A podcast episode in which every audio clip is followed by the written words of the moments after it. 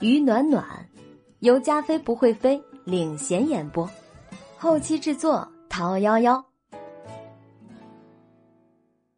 第一百六十一集，听到他斩钉截铁的一声轻斥，那名佣人吓得愣住了。一看是萧九九，表情顿时轻松不少。只不过是个有名无实、还没有获得顾家正式承认的女人罢了。在老爷子面前，他算得上几斤几两啊？顾离和沉默了一会儿，才问道：“有何不可呀？难道你懂得医术？”粗通皮毛。萧九九虽然还不能承认那位世外高人就是自己，但如果说自己一窍不通，岂不是更被顾家的人贬入尘埃里？既然粗通皮毛，又怎么会对医生的诊疗方案有异议呢？顾离和双凹的双眼中有一星半点的疑惑。这丫头初见面时就有一种桀骜不屈的气势，好像天不怕地不怕。虽然不知道她这股气势从何而来，但的确跟普通的千金小姐很是不同。对不起，请恕我直言，我今天之所以来，是因为文杰斯说了金飞忽然重病，我不放心才来瞧瞧。如果您一直以别的事情为由拖延时间，只能平白浪费了治疗金飞的大好机会。看着萧九九已经起身，顾离和便知道了，萧九九果真是为了顾金飞而来。他们两人彼此有情，这比他想象的更加糟糕。胡说！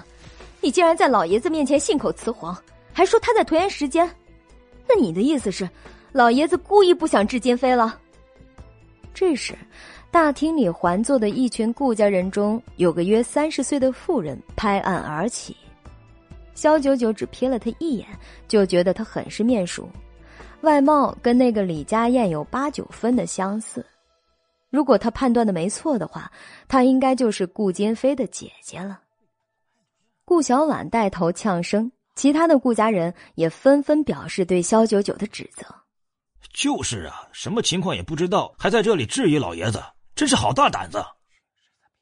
孙辈中，老爷子最宠爱的就是金飞了，也正因为如此，才会对他要求极其严格。这位萧小姐毕竟不是咱们顾家的，有点误会也正常。有人貌似好心的帮萧九九圆场，可是迎来的却是更加激烈的指责。老爷子对这位萧小姐那可当真是不差了。不然他怎么可能会让他和金飞领证啊？可是他不但没有任何感激，反倒怀疑起老爷子的决定了，真是现代版的农夫与蛇呀！而眼看着众人越说越激烈，顾离和这才摆摆手叫他们停下来。顿时，大厅里恢复了寂静无声。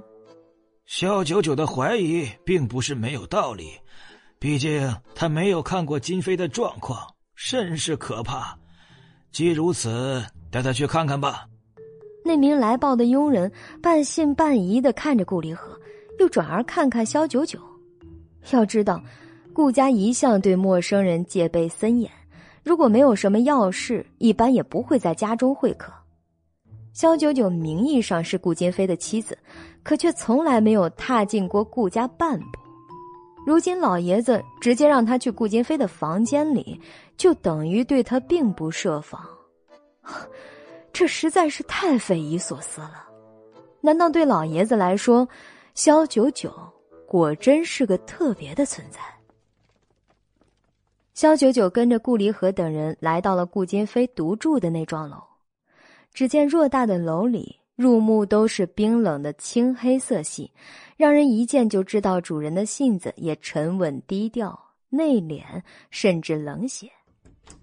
等他们踏进顾金飞的房间后，萧九九一眼便看到，顾金飞正躺在偌大的床上，双手双脚都被固定在铁架子上，他闭着眼睛拼命的挣扎，还在不停的说着胡话：“别走，你别走。”你等等我，我一定不会让你失望的。我答应你，一定会回来找你。你且耐心的等着我。只听顾金飞情绪激动的不时大叫着，胡言乱语，叫人完全听不懂。看到他的状况，顾离合不禁神伤的摇头。南子眠才刚刚醒来，金飞却又变成了这个样子，这难道是天意吗？这时，守在一旁已久的医生再也按捺不住，小心的再次征询着顾离合的意见。老爷子，要不要给二少爷用镇定剂啊？起码能够让他安睡一觉，不至于在梦中还如此吃力啊。萧九九的眼睛几乎一刻都没有离开过顾金飞，很难相信，仅仅几天之后，那个丰神俊秀、金贵无双的男人，竟然变成了这个样子。而他的家人则像对待精神病患一样，把他的双手双脚都束缚起来，不让他挣扎。他原本氤氲的眼眸中，雾气。更深了一层。顾离和一手捂住脸，沉默着，似乎在做一个艰难的决定。用吧，起码让他好受一点儿。那名医生随即叮嘱了旁边的白衣护士几句，他便拿了药剂过来，用针筒就要对顾金飞进行注射。肖九九脸色一沉，厉声道：“不行！”房间所有人都猛地看向他，顾小婉的眼底闪过了一抹惊慌，但很快被凶狠所代替。我警告你，这是我们顾家，不是萧家，你别太把自己当回事儿了。老爷子可以成全你们的婚姻，也可以分分钟让你们离婚，你无权干涉老爷子的任何决定，包括现在。继而，他白了萧九九一眼，转而对顾离河道：“老爷子，您别听他的。”她就是一个不知好歹的丫头，您让医生继续就好了。在整个顾氏家族，老爷子才是至高权力的代表，从来没有人敢违抗他的命令，就连他最宠爱的孙子顾金飞也不行。顾小婉使尽浑身解数，只想保萧九九一个周全，不管用什么手段，也不管他可能会对自己产生什么样的误会。他始终都记得顾金飞不久前对自己说过的那句话：“姐，如果有一天我带了一个女孩子回来，那肯定是我此生最在乎的人。请你不管在何时、什么情况下，都要保护他、帮助他，让他能够高高兴兴的来，轻轻松松的回去，好吗？”他还从未见过自己的弟弟，竟然有这样的一面。可以说，他是有了一副盔甲，也从此有了一个软肋。他有了想要保护的对象，但也害怕这个最在乎的人会在他不在的时候受到别人的伤害。大家好，我是加菲，依然还是千年第一百六十二集。顾小婉现在并不在乎萧九九能否理解他，哪怕是他把自己当恶人般恨上，也是无所谓了。此时他能想到的，便是不要辜负了顾坚飞的托付，因此他不遗余力的，在每次肖九九在危险边缘试探的时候，及时的将他拉回来，即便这方法有点简单粗暴，只是厉声喝止。想到这儿，顾小婉的眼神更加坚定，也更加尖锐了。谁知肖九九却坚持自我，对顾小婉的喝止并不理会。老爷子，既然您找我来是为了让世外高人能够试着治一下金飞，那我起码要查看了金飞的情况以后，如实的转告给他，他才有可能对症下药。您这样一味的阻拦着、不信任我，那是无济于事的。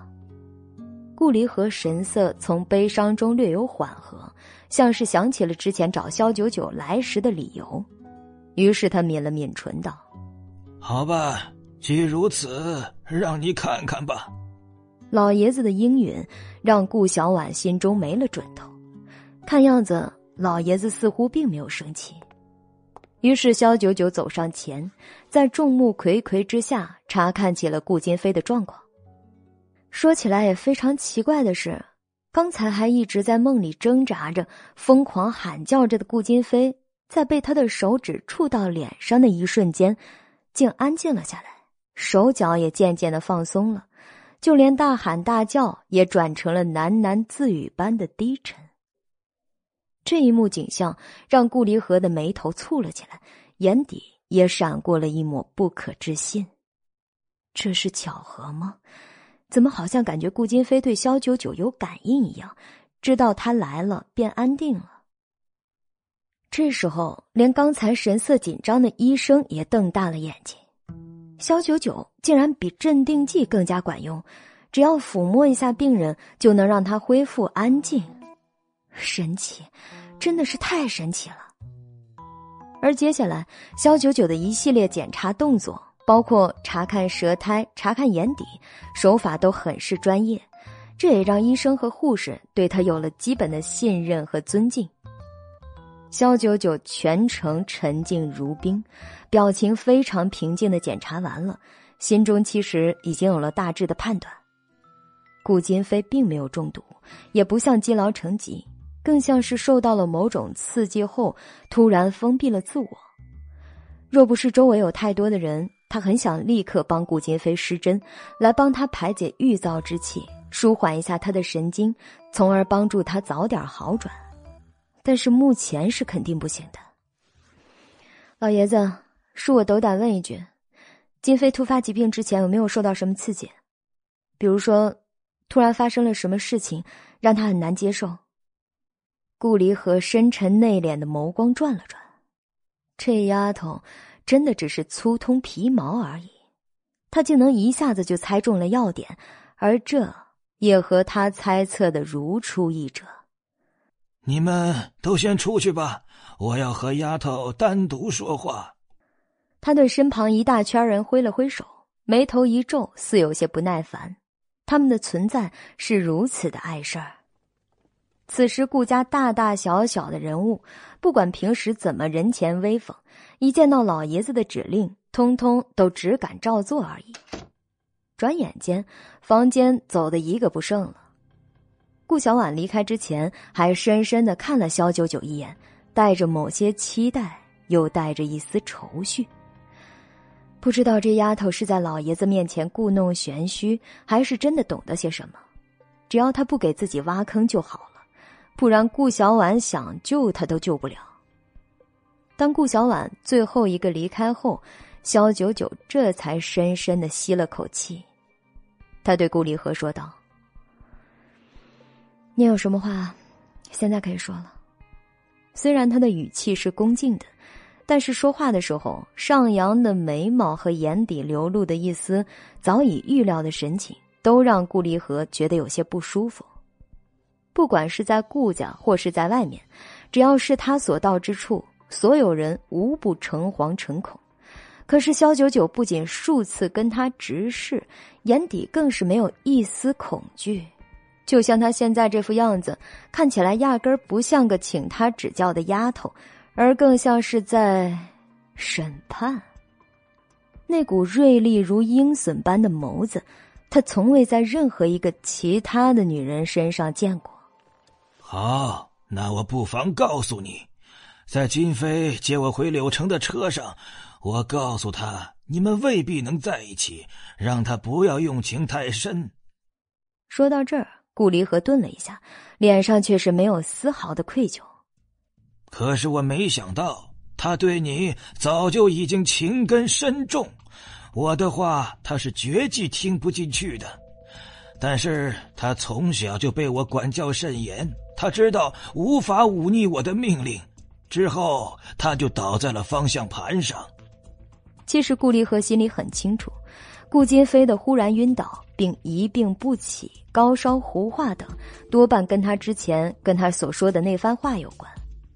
萧九九猜测的不错，顾金飞受到刺激的来源也正是那样。萧九九沉默了会儿，这个顾离河表面上跟任洪川关系匪浅，还给他和顾金飞定下了这门婚事。然而，从两人领证至今，他还是第一次见到顾离和本尊。今天甚至直白的告诉他，自己不看好他们的结果。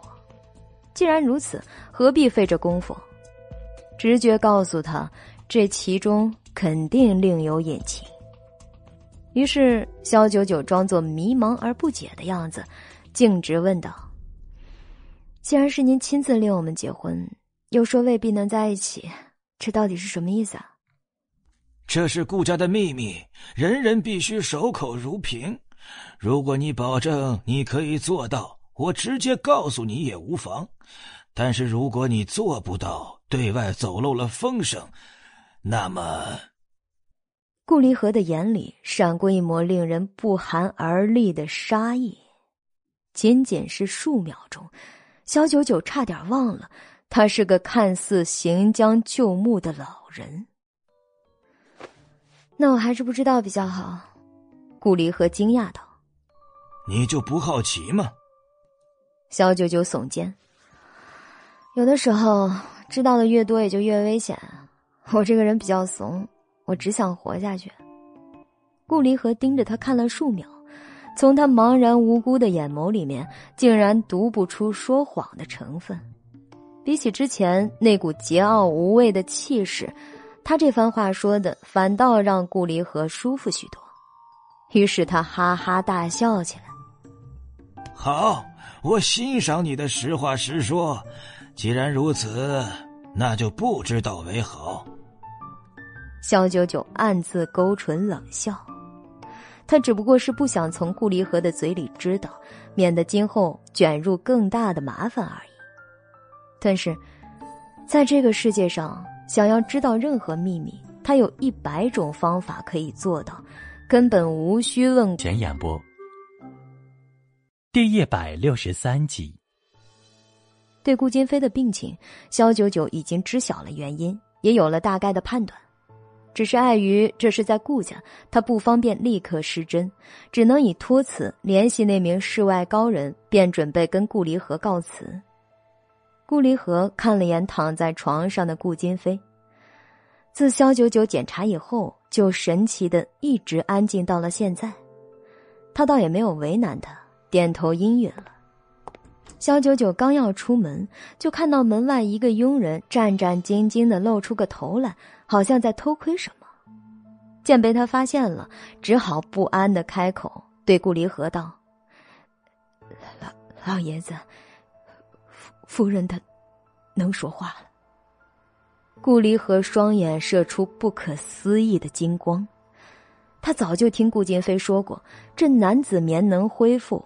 肖九九认识的那位世外高人，居功至伟。可是，一个植物人能行转，即便能动动眼珠子而已，就已经很令人惊喜了。这才过了两个晚上，他居然已经恢复到能开口说话。这速度实在是超乎想象。如果那位世外高人不是隐居避世的话，现在恐怕早就是名满天下的活神医了。他说了什么？顾立和收回思绪，问那名佣人道：“他，他他说他想见二少爷。”那佣人说着，便低下头去。我们知道，以二少爷现在的状况。不可能跟他见面，也就没有告诉他实情，只说了二少爷在公司忙事情，还没回来。可可是夫人她坚持说会等少爷回来，他不去见他，他就不合眼。顾离和再次惊讶，南子棉竟然一下子能说这么多的话，可见他的体力、思维等方面都恢复的差不多了。照这样下去，哪怕明天他就下地走路，那也是犹未可知啊。佣人还在不安的等着顾离合决断，而顾离合的思绪却是飞出很远，接着忽然叫住了萧九九：“丫头，你能不能让那位高人同我联系一下啊？”萧九九微眯了下双眼。这顾离合这么快就打起了他的主意，肯定是看中了他的医术，想要帮助他做些什么。但是，他实在不愿跟顾家纠缠过深，为顾金飞的母亲以及他本人治病，已经是他的底线所在了。顾家的其他人如何，跟他一毛钱关系都没有，他也不想过问，也不想管这闲事儿。不好意思了，老爷子。这位高人脾气非常的古怪，就连我也没有见过他几次，只不过是因缘际会之下认识了，讨了他的欢心，他才答应帮我几次。这高人从前就叮嘱过我，万万不可把他的联系方式给任何人，否则的话就直接拉黑我，从此再也别想找到他了。顾离和听了，顿感失望，但他坚信，在这个世界上，绝对没有人可以对他开出的价码一口拒绝，能拒绝的不过是价码开的不够高而已。他双手拄着拐杖，轻轻的在地上点了一下，碎面唇道：“啊，这样啊，那好吧，你先回去同他商量。”只要他能把金飞给治好，我一定会重重的感谢他。肖九九张了张嘴，到底还是没有说出来。不管你给多少钱，高人都不会要的。如果他要了，从此就再也别想斩断跟顾家的联系了。萧九九未置可否的耸肩道：“消息我会帮您带到的。”接着，他便再次告辞，径直朝外走去。等他走出去后，门口的佣人还在等候着顾离合的命令，而顾离合却陡然变了脸色：“叫郑嫂好生伺候着夫人，不要让她胡思乱想。既然刚恢复身体，还是静养为主。”佣人躬身领命离去。肖九九走到肖家大门前，忽见一个女人匆匆走了过来，定睛一看，原来是顾小婉。肖小姐，请您留步。顾小婉此时的态度十分客气，完全不像在顾离河还有顾氏其他人面前那样。肖九九转身看着顾小婉，表情很是平静。你有事儿？刚才没有什么机会介绍。我其实就是阿燕的母亲，我听静飞说过，你曾经救过阿燕，我一直都想找个机会好好的谢你。他的话一点都没有超乎预料，肖九九对他的身份也早就有了推测，如今不过是验证了这些而已。看到肖九九没有说话，顾小婉自己反倒有些急了，以为他还在为刚才的事情生气，是不是刚才当着大家的面那样说你？你生气了。其实，顾小婉有意无意的瞥了下四周，但大门口毕竟是监控重地，还有八名私人保镖候在一旁，他还是不方便把真相和盘托出。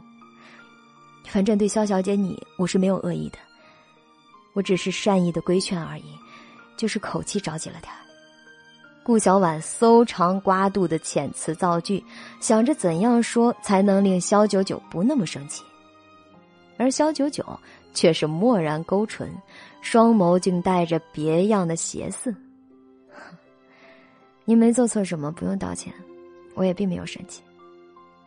顾小婉愣了，这丫头比她想象的还要特别，她忽然有些明白了，自己的弟弟。为什么会看上她？若是一般的女子，哪里能驾驭得住顾坚飞啊？那关于阿燕的事儿，我想请你给我个机会，我和他爸都想谢谢你。肖九九风轻云淡的摆手道：“不必了，阿燕他已经谢过我了。当初他还不知道李佳燕就是顾坚飞的亲外甥这层关系，所以才会收了他千万元的感谢费。”现在既然已经清楚了，钱他是不会退了，只是也没有必要跟李佳燕发生更多的纠葛了。不，这个周末阿燕她过生日，要在家里举行一个派对。顾小婉说到这儿，特意压低了声音道：“不是在老宅这边，而是在我们自己的别墅里，离这边有点距离。阿燕她特地打了招呼，让我们务必请到你。毕竟现在你也是她的舅妈了。”不知道能不能给个面子啊？天知道，李佳燕为了央求他妈来请萧九九，不知道费了多少功夫，做了一个保证又一个保证，甚至把新买的那台车都封在了车库里。顾小婉见萧九九对李家燕有如此大的魔力，干脆一横心，同意了。毕竟是他的弟媳妇儿、儿子的舅妈，两个人亲近一点也无可厚非，都是一家人嘛。对肖九九此前跟李家燕深夜飙车的事儿，他也就不再计较，全当失忆了吧。喜马拉雅独家出品，第一百六十四集。对于顾小婉的迷惑行为，肖九九倒是饶有兴味。当着顾老爷子的面打压自己，现在又给自己抛出橄榄枝。当他用神识来看时，顾小婉身上虽然有普通豪门千金的通病，那就是傲慢，但总体上为人温和，不是什么歹心之人。他虽然想一口拒绝，但见顾小婉的眼神殷切，他便找了个借口道：“这个周末我要上个综艺通告，时间上可能不太方便。”顾小婉失望不已，毕竟答应了李家燕的事情，若是做不到，感觉在爱子面前忒没面子。派对是在晚上进行，不会耽误你太久的，哪怕你来跟家燕见一面再走也行。肖九九正要说话，蓦地感受到一股莫名的视线灼灼逼人，仿佛正冲着自己而来。他猛地抬头。只见离大门数十米远的钟楼上有个人影，大概是怕被发现，立刻转过身去。但肖九九已经从他的身形大致猜出了那人是谁，于是他撇了撇唇：“容我回去考虑一下吧，回头再给您消息。”“好，好，那我等你。”顾小婉立刻笑着说道。之后，他忽然想起了什么，笑容转瞬即逝。金飞的事情还得麻烦你，我们顾家上下已经用尽了方法，实在是束手无策了。肖九九点头，这不用您说，我也会的。毕竟，毕竟他欠了顾金飞的人情，就这么让他死了的话可不行。顾小婉却悟到了另一种截然不同的内容，表情甚是欣慰啊！看来金飞是找对人了。从顾家出来，肖九九一路都在想，顾家累计起来欠他的人情，委实是有点多了。回到酒店房间里，微信上好久没有消息的李佳燕便发了消息过来：“邹仙女，虽然现在我知道了这是你的江湖化名，但是还是最喜欢这样称呼你。我不在乎你是怎么变成我舅妈的，我只想请你看在我的面子上，来一趟我的派对。”保证不会让你失望的，到时候我的师傅也会来的。肖九九脑海里浮现了欧若野那个冷傲的面容，飙车还能戴头盔掩人耳目，这人群密集的派对上，他要怎么遮掩自己的脸？欧若野竟然答应了李家燕要出席派对，这是他万万都没想到的。一直拍戏加忙各种事情的他，确实感觉累了，想找个机会好好放松一下。若是李家燕加他母亲顾小婉的面子在一起的话，也算不得什么，毕竟这两人都欠着自己的。可是欧若野嘛，那是他一起打排位的好兄弟，他饶有兴趣的想知道欧若野届时该如何出场。派对上一旦被人发现了真面目。那还不得让万千少女陷入疯魔呀！于是肖九九便回了句：“通告不紧的话，我会好好考虑的。”说罢，他便把手机扔进了抽屉里，没再关心了。他目前想着的还是顾金飞的病情，于是他打开那个半人高的密码行李箱，里头装着的密密麻麻的都是各种药材、提纯、蒸馏和配药的工具等等。在配药的时候，他的耳际仍不时响起顾离合对他所说的那些话。为什么他不看好他们，却又让他们结婚？这顾家的家主身上委实有些古怪，看来藏着不少秘密呢。数个小时过去，给顾金飞的药已经配好了，肖九九照例用精致的紫檀木盒子装好。马不停蹄的打开了电脑，开始着手调查起了顾离合那个令他必须要守口如瓶的秘密。又是数个小时的忙碌过后，肖九九终于得到了自己想知道的答案。只不过看到这个结果，他的脑子都跟着滞住。顾家整个家族受到了诅咒的力量，男丁一旦结婚以后便会发生不幸，轻则生病，重则横死，且诅咒的力量世代延续。当顾家人耗费重金试图请人破解后，得到的答案竟然是诅咒无法破解，只有当男丁迎娶不爱之人并诞下子嗣才能破解。因此，身为顾家的男丁，爱情和婚姻是注定矛盾的。萧九九怎么也想不到，在顾家庞大如帝国般的财阀背景后，竟笼罩着这样令人扼腕如命运般的悲剧。再联想到顾金飞的晕厥不醒以及发烧胡话，他的内心也难免有了一丝动容。对他来说，有生以来最大的打击莫过于此。他可以决定甚至主宰很多人的命运，是很多人眼中无情冷血的阎罗。但讽刺的是，他的婚姻和爱情竟是受到诅咒一般。注定得不到想要的幸福。若不是早就把萧九九视作挚爱，又怎么会在被顾离和警告的时候感受到撕心裂肺的疼痛？到底是什么时候开始的？对顾金飞来说，他竟已变得如此重要，他的生命竟已经非他不可。萧九九的心绪。忽然变得沉重。他只答应过顾金飞不会拒他千里之外，可是却没说，并且他真爱的命定之人也不会是他。萧九九第一次，第一次为了一个男人的感情陷入了两难之中。第二天一早，萧九九就打了电话给文杰斯。把装着药丸的紫檀木盒子亲自交到他手上以后，便令他尽早的去送给顾金飞服下。文杰斯看着掌心那个精致的小盒子，没有去验证里面的药丸，眼底划过一丝疑惑。不是说那个世外高人神龙见首不见尾吗？很难联系上吗？上一次肖九九联系他给男子棉治疗的时候，也足足等了十多天呢。可是，怎么顾金飞晕厥以后，那位高人的反应速度竟是如此之快，快到让他感觉，仿佛这药丸是萧九九自己做出来的一般。不不，这不可能！这个念头在文杰斯的脑海里一闪而过之后，他自己都觉得可笑。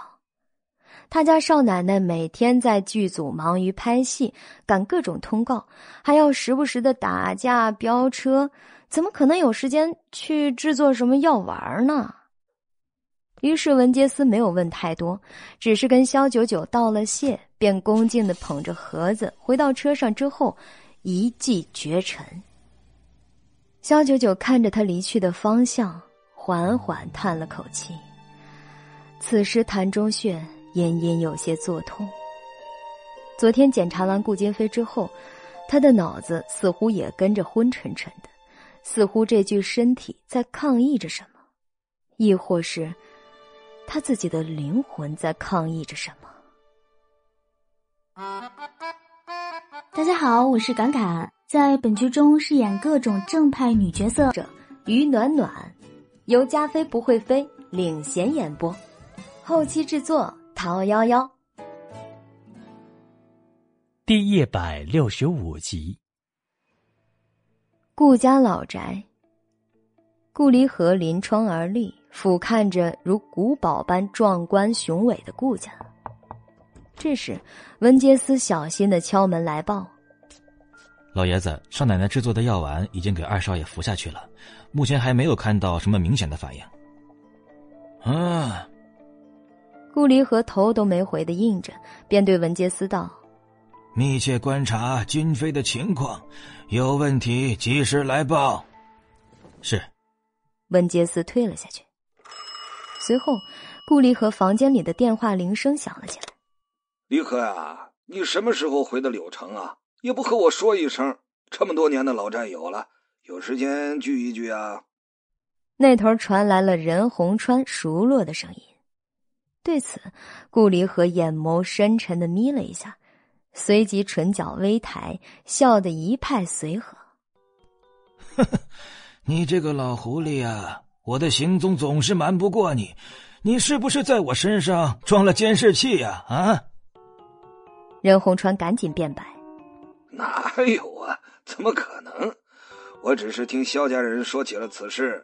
毕竟你都派人去接了九九到顾家，唯独没和他外公我打个招呼。我当然只能亲自来向你确认一下这件事了。”哼，老东西呀，你是不是护犊子？怕我给你外孙女穿小鞋啊？哼穿小鞋肯定不会，毕竟你顾离和为人一向光明磊落，我信任你。任洪川说着，声音也开始深沉了几分。呃，只是既然他们已经在媒体公开了这件事，已经无法按我们的计划去走了，不如就给他们风风光光的补办一个婚礼，也算对九九还有去世的秋瓷有个交代。顾离和深陷的眼眸中闪过了一抹犹豫。的确，已经曝光了婚姻事实之后，若是不及时补办婚礼，给大众一个交代，对于他们这样庞大、富有影响力的家族来说，确实是说不过去。可若是婚礼办了，按规矩，萧九九便是顾家的二少奶奶，必须入住顾家。从那一刻开始。影响了顾家世代的诅咒便会降临到他和顾金飞的身上。他绝不能让这样的悲剧发生。听到电话那边，顾离和半天都没有说话，任红川有点憋不住了，提高了音量质疑道：“顾离和，你该不会是不想给两个娃娃办理婚礼吧？还是你看我任家没钱没势的，后悔了这桩婚事了？”不，当然不是了。你这个老东西，急个什么劲呢？你心里也很清楚，当初我们让两个娃娃领证是为了什么。现在事情已经被全天下都知道了，其中的厉害你也不是不知道。我们两个不跟在后面缝缝补补，把该遮的遮起来，以后形势只会越来越糟。任洪川听罢也怔住了。他一心想让萧九九风光大嫁，而不是做个见不得光、被人说三道四的伪少奶奶。可是顾离河的提醒，一下子让他陷入了极度的矛盾之中。他用手抹了一把脸，发出一声叹息：“那你说该怎么办？”你保持头脑清醒就可以了。婚礼只是个形式。再如何隆重豪华，也只是给外人看的。顾离河的话让任洪川更加无言以对。这桩婚姻从一开始对他来说就是一场豪赌，赌赢了便能赢得整个天下，赌输了则一败涂地。不仅是萧家、任家。以及家大业大的顾家，恐怕也要连根拔起。好，那我听你的。最终，任洪川还是无奈的妥协了。不管他有多么想要护犊子，眼前的局势终究还是不允许他这么任性的。顾离和挂断电话的数分钟后，文杰斯匆匆赶来。老爷子，二少爷他醒了。现在神志很清醒，什么？我马上去看看。见过无数大风大浪的顾离河，对于这般药到病除、立竿见影的速度，实在是惊得差点无法自持，心里头更加深了那个热切的念头：萧九九认识的那位神医，他不管用什么方法，都要联系到他。温杰斯嗓音有些暗哑。可是二少爷一醒来就直接去疗养院里面看望夫人了，这会儿现在他们应该还在一起。顾离和愠怒道：“怎么不派人拦着他？我们也想，但是根本拦不住啊！而且他是二少爷，你也知道的。”温杰斯有些无奈的低下了头。顾金飞的做事风格向来是无需任何人同意，只要自己起了意，便会马上去做。顾离和不再说话，立即赶到了疗养院。一进病房，消毒水的味道就把他呛得直咳嗽。病床上躺着的男子棉一看到顾离和来了，脸上猛地一滞，随即害怕的躲进了顾金飞的怀里。这是谁？别过来！你们拦住他！顾金飞扭头看到顾离和，便温言劝慰着男子棉：“哈，这是老爷子，您不记得了吗，母亲？”什么老爷子？他不是早就死了吗？哪来的老爷子？男子棉话还未说完，嘴巴便被顾金飞一把捂住。虽然动作很轻，但是把男子棉给闷得够呛。母亲，您大病初愈，有些事可能记不清了，您慢慢就会想起来的。他心底的骇然都被波澜不兴的语气给遮住了。可是男子棉刚才的话语。在顾家来说，基本就等于找死。早些年，在顾家，顾离合的存在就如同王法，他的喜怒哀乐可以轻易的决定一个家族成员的生死。如今，即便他已经年近七十了，却还是顾家那个一言九鼎的大家主，所有人都敬之畏之的存在。接着，顾金飞便转身对顾离合道：“爷爷，我母亲她刚才说了些胡话，请您念在她身体刚恢复、神志还不太清醒的份上，不要太过计较。”顾离合两眼直盯着男子面，在他刚刚说胡话的瞬间，他的眼神猛地一凛。可是，不管如何，她都是顾金飞的母亲，也是死去的顾峥嵘的妻子。于是他面色很快的缓和了下来，和颜悦色道：“不碍事儿，我来就是看看你们母子两个都恢复的如何了。看到你们能这样聊天，我便放心了。”接着他又转而对文杰斯道：“看来那位神医还真是个绝世高手啊！这样的医术世间少有，我们顾家真是好福分呢。”虽然他话未挑明。但在场所有人都很清楚，这明摆着就是他想得到什么的时候才会放出的画风。大家好，我是加菲，依然还是第一百六十六集。文杰斯怔了一下，随即机械性的点点头，表示记下了。而顾金飞的目光却灼灼的直视着他，令他颇感压力山大呀。子棉的状态真是越来越好了，真是可喜可贺呀！顾离和忽然又对南子棉说道：“南子棉被顾金飞捂嘴警告了一下之后，也不敢随便说什么了，只能低着头含糊的应了一句：‘金飞，你母亲这里啊有郑嫂照顾，你自己也刚刚才醒过来不久，呃，还是回去休息休息吧。’”养精蓄锐，才可以更好的陪伴子棉。毕竟今后的路啊还长着呢。顾离合虽然语气充满关切，却也带着三分不容小觑的威严。顾金飞用力的握了握男子棉的手，又低头在他额头上印下了一个吻。这么多年来，我还是第一次听到母亲开口叫我的名字。我想多陪她一会儿。再给我些时间，可以吗，爷爷？他尾音上扬的把“爷爷”这两个字咬得很重。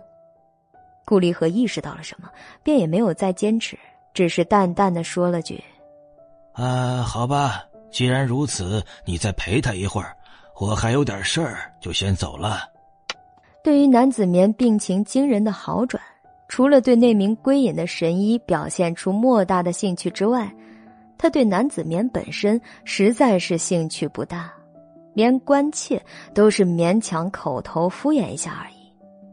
但如此对顾金飞来说，并不感觉到有什么意外的。等顾离合的脚步声逐渐走远，男子棉才抬起头，把脸从被子后面露出来。只见他整个苍白的脸上已经被闷出了些许的绯红。他小心的反握住了顾金飞的手，意味深长的看了他一眼。其实，我睡着的这些年，一直都是有感觉，能听得见的。他说话的声音极轻，却把顾金飞给惊得瞳孔猛缩。你说什么？您的意思是？他不可置信的抓住了男子棉的胳膊。他躺着的这些年里，顾家一直把他当做植物人一般的存在。可他除了不能动弹外，竟然能听清楚四周的任何动静，还有所有人的对话。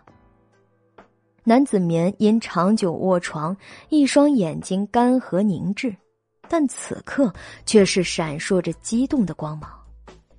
有些话他几乎是要脱口而出，很想直接告诉顾锦飞。可是刚才顾离和临走的时候，明明深深的看了他一眼，那一眼的警告意味十足。他并不是看不懂。他躺了十年，耳聪目明，神志清醒。只是现在还远不到时机，可以跟顾金飞说这些事情。不然的话，只怕自己话还没有来得及说出口，人却已经先被灭了口。从此以后。再也无法说出一个字来。那天，你带来的那个姑娘，你们的对话我都听到了。南子棉微微一笑，抚摸了一下顾金飞的额发，一如多年前在抚摸着那个倔强的小男孩一样。顾金飞趴在他的床前，激动的心脏差点蹦出胸口。那您觉得？您喜欢这位儿媳妇吗？他一直以为，此生恐怕都没有机会可以看到母亲和自己的妻子在一起了，却没想到，他母亲不仅看到，而且清楚听到了萧九九的每句话每个字。男子面微笑了一下，看得出，顾金飞非常在意自己的想法。只要是金飞喜欢的姑娘。肯定是这个世界上最好的。妈妈和你一样，会尊敬他，爱他。更何况我这条命是他救的，他是我们母子俩的大恩人。顾金飞抿了下薄唇，心道：虽然药方不是萧九九开的，但是药材银销花却是他冒着生命危险亲自采来的，他还差一点儿因此永远而失去了他。从这一点来说，是萧九九救了他母亲，没错。谢谢您，以后有机会，我会常带他来看您。顾金飞说到这儿，眸光倏然暗了下去。根据顾离合的意思，他这辈子是不可能让萧九九以少奶奶的名义，光明正大的进入顾家的。金飞，我才刚刚恢复。还有很多事情等着我去做呢，你也是。所有的事情都等我们从长计议。现在只要我们母子两个都好好的，那就是最好的状况了。南子棉无法把一些事儿直接告诉顾金飞，但还是看出了他的挫败，于是竭尽所能的鼓励着他。母亲的话犹如涓涓细流一般淌进了顾金飞的心里，让他得到了莫大的宽慰和前所未有的勇气。这一生，他最爱的两个女人都在身边，那已经是最幸福的。肖九九的通告直到深夜才结束。当他回到房间里，推门一看，顾金飞竟然大咧咧的坐在他的床边嘴角上挂着幸福满意的微笑，语气里面却带着些许不满。什么行程这么晚才结束？是哪家媒体的？以后不要跟他们合作了，耽误我谈恋爱。谈什么？肖九九嘴角微抽了一下，对他的不请自来已经是充分免疫了，甚至怀疑他跟欧若野是不是有某种血缘关系啊？要不然两个人一个喜欢不请自来，一个喜欢推门强闯。不过看到顾金飞眼神明亮，气色也恢复的不错，他心底里又涌起了某种莫名的踏实感。这样也好，他就不用想办法打听他的状态了。看来他拿到了失落已久的中医秘典后，还真的是如有神助一般，两次配的药都非常的成功。我说谈恋爱。顾金飞说着便起身，颀长的身影瞬间来到萧九九面前，跟着就伸出双臂，紧紧的抱住了萧九九。你为我实在付出了太多，我欠你的，只能用一辈子来偿还。如果你不愿意的话，那就先谈个恋爱，你说好吗？肖九九不再像从前般僵硬了。他的身体也迅速的适应了被他拥抱一般，甚至下意识的伸出手想抱住他的后背。只不过当他发现以后，便及时的抽了回来。被他拥抱的时候，他很奇怪的感觉到了放松还有心安。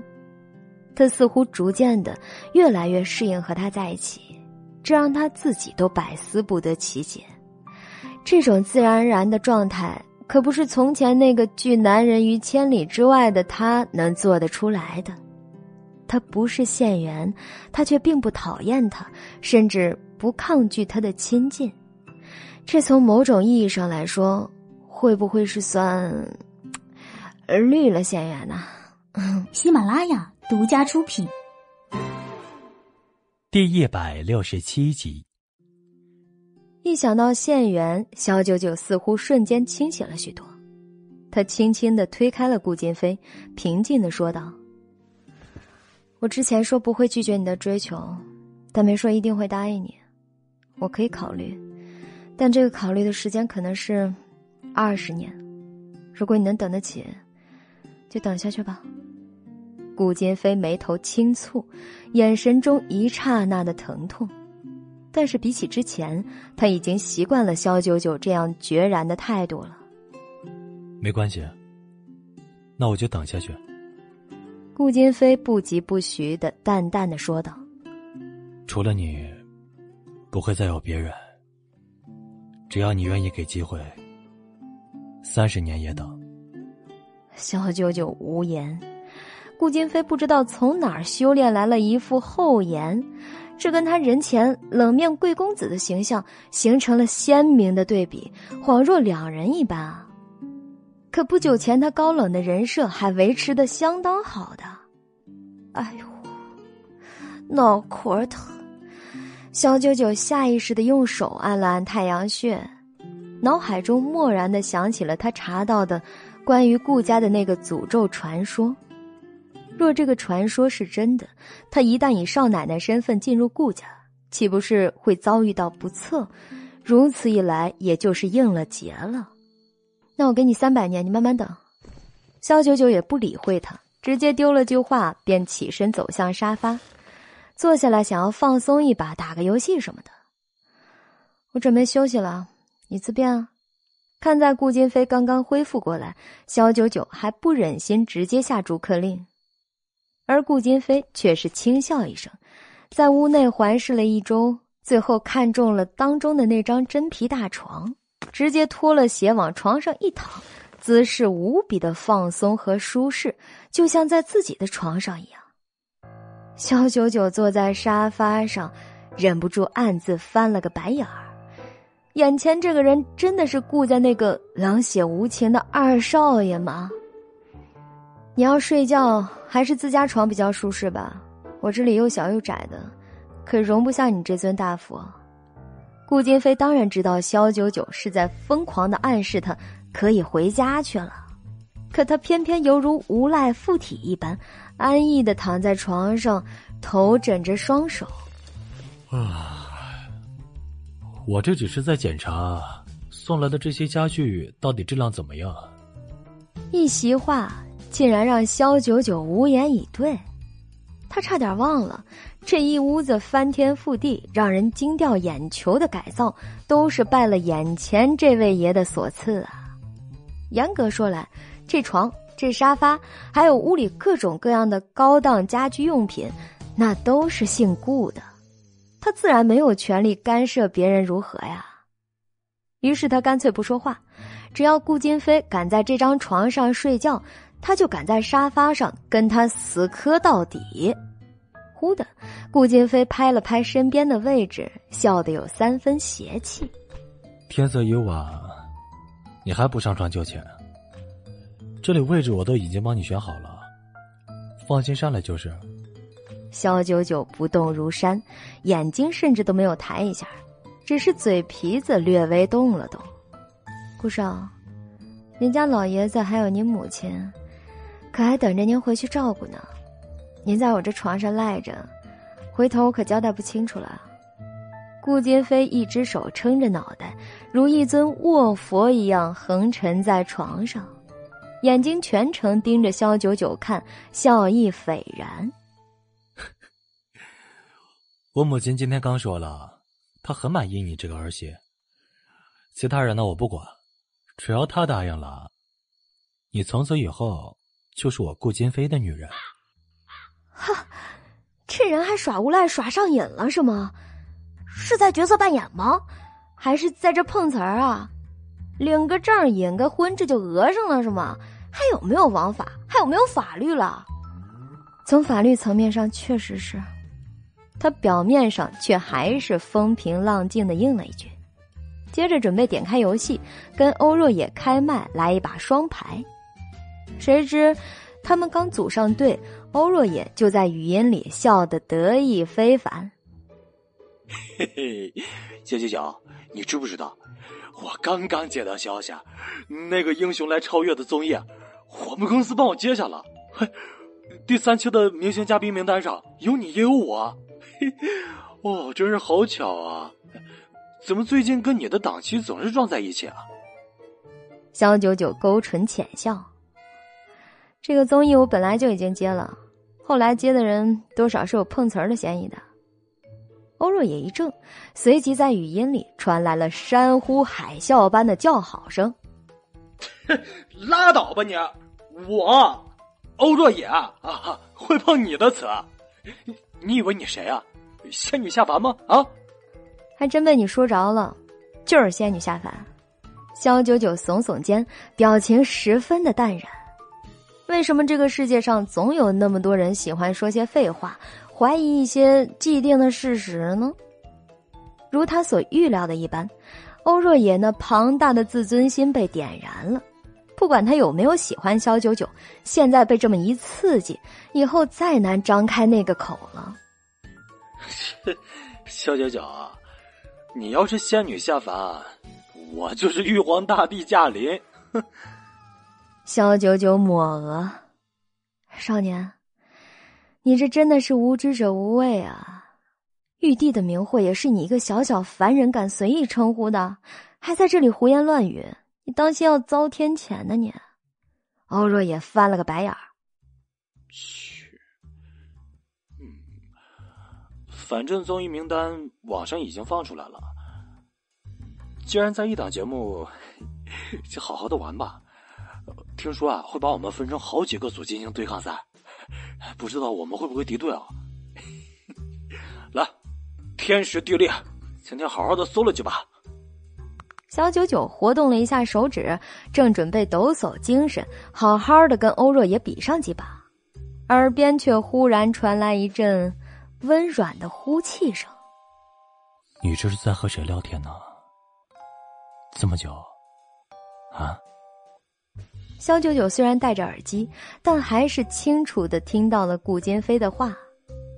抬眼一看，这厮竟然不知道什么时候自己从床上下来，还坐到了他的身边来。张嘴一席话，就瞬间把气氛冻到了冰点。欧若也直接在语音里愣了半天。我操！小九九，你房间是不是有男人？上次他房间里有个女人也就算了，今天居然藏了个男的。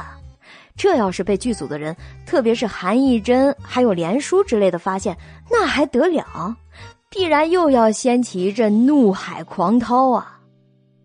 肖九九第一次对顾金飞。起了杀心。他是故意靠这么近，用这么暧昧的语气，还说的这么大声的吧？两个男人同时在发问，两人都是一副捉奸一样的语气。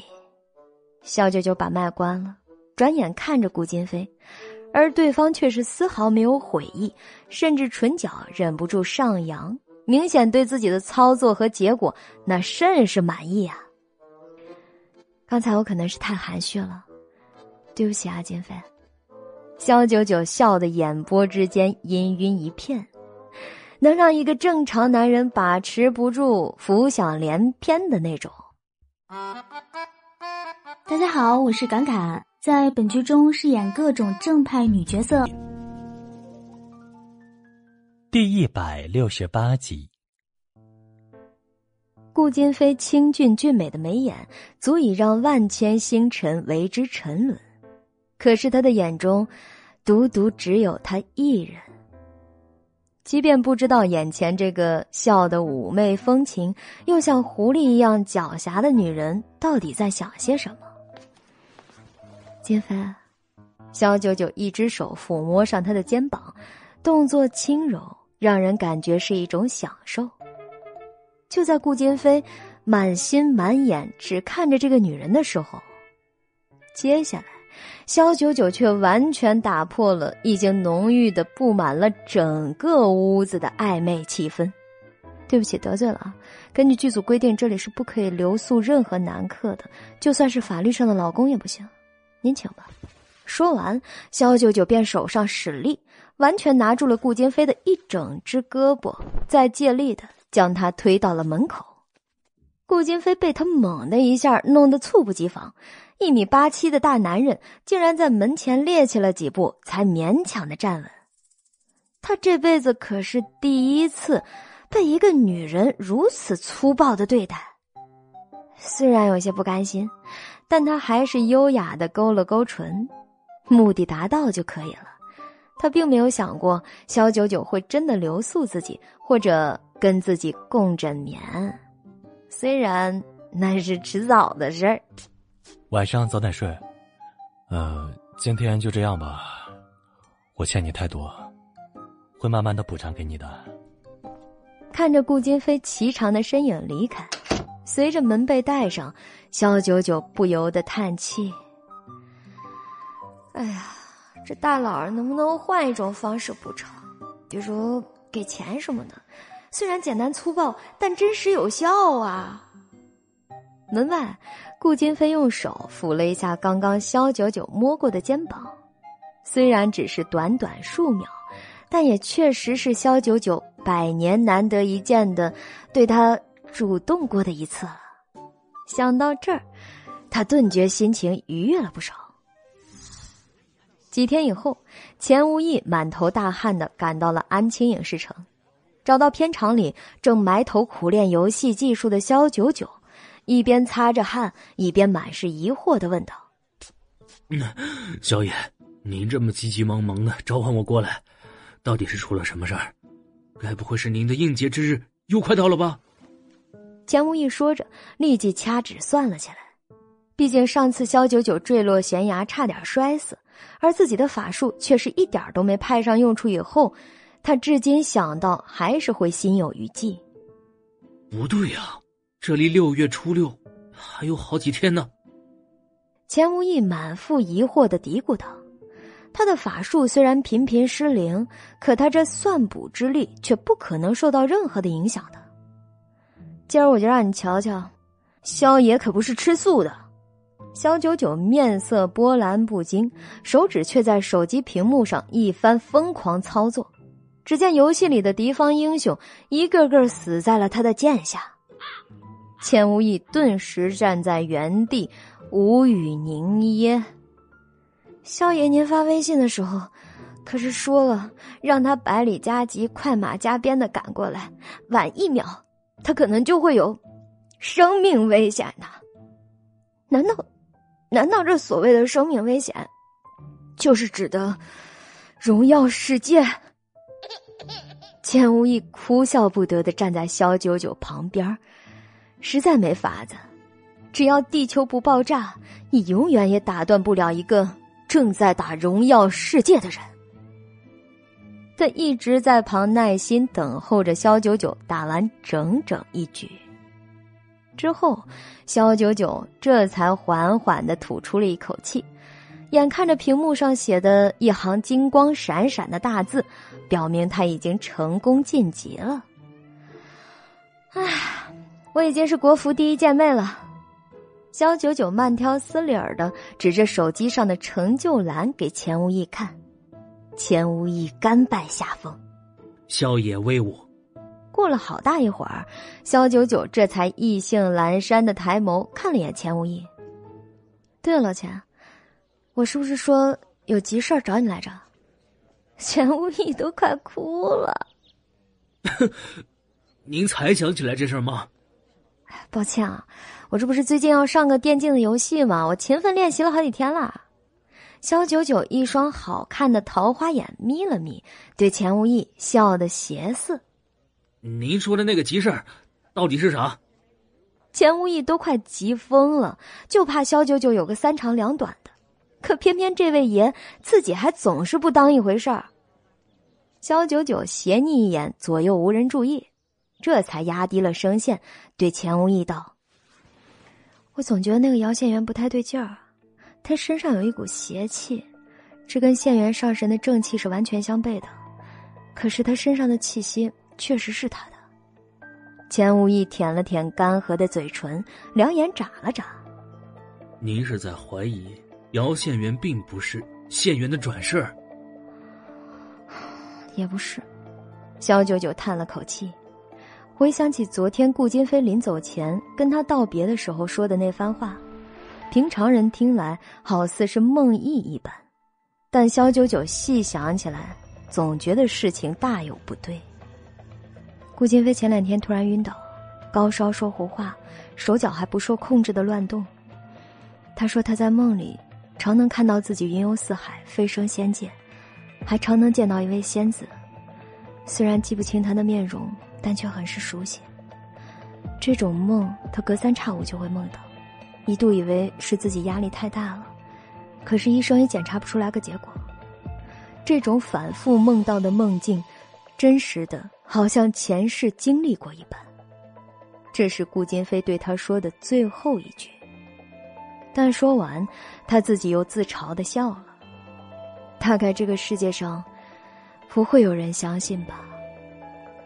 钱无意张了张嘴，怔住了，半天才回答道：“那，您的意思是说，当年仙元上神，究竟因何自毁元神，下凡人间？”重入轮回，根本就没有人知道原因。这件事儿也成了天界一件悬至千年的谜案。萧九九眼神幽邃的看向远方，仿佛看到了当年眼里总是充满了忧郁之情的县元。我觉得县元的转世大有可疑。我也曾经调查过姚县元，可是他的履历、背景、身份、财产这些信息，都做得滴水不漏。哪怕我黑进了他的个人账户里，也查不到蛛丝马迹。肖九九眯起了眼，他实在是做的太天衣无缝，仿佛一个根本没有黑点的完人。可是这世上，根本就没有几人敢说自己是干干净净的，特别是一个生意人。钱无义也听得迷惑了起来。姚家的家族产业做的可不比顾家小多少。特别是他们在海外的努力，几乎遍布整个欧洲和东南亚，所以我才更加怀疑他。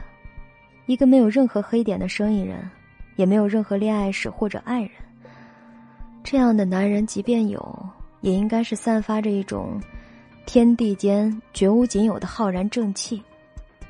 可他的身上，却是带着跟县元完全不同的邪气，而且最近我能感觉到。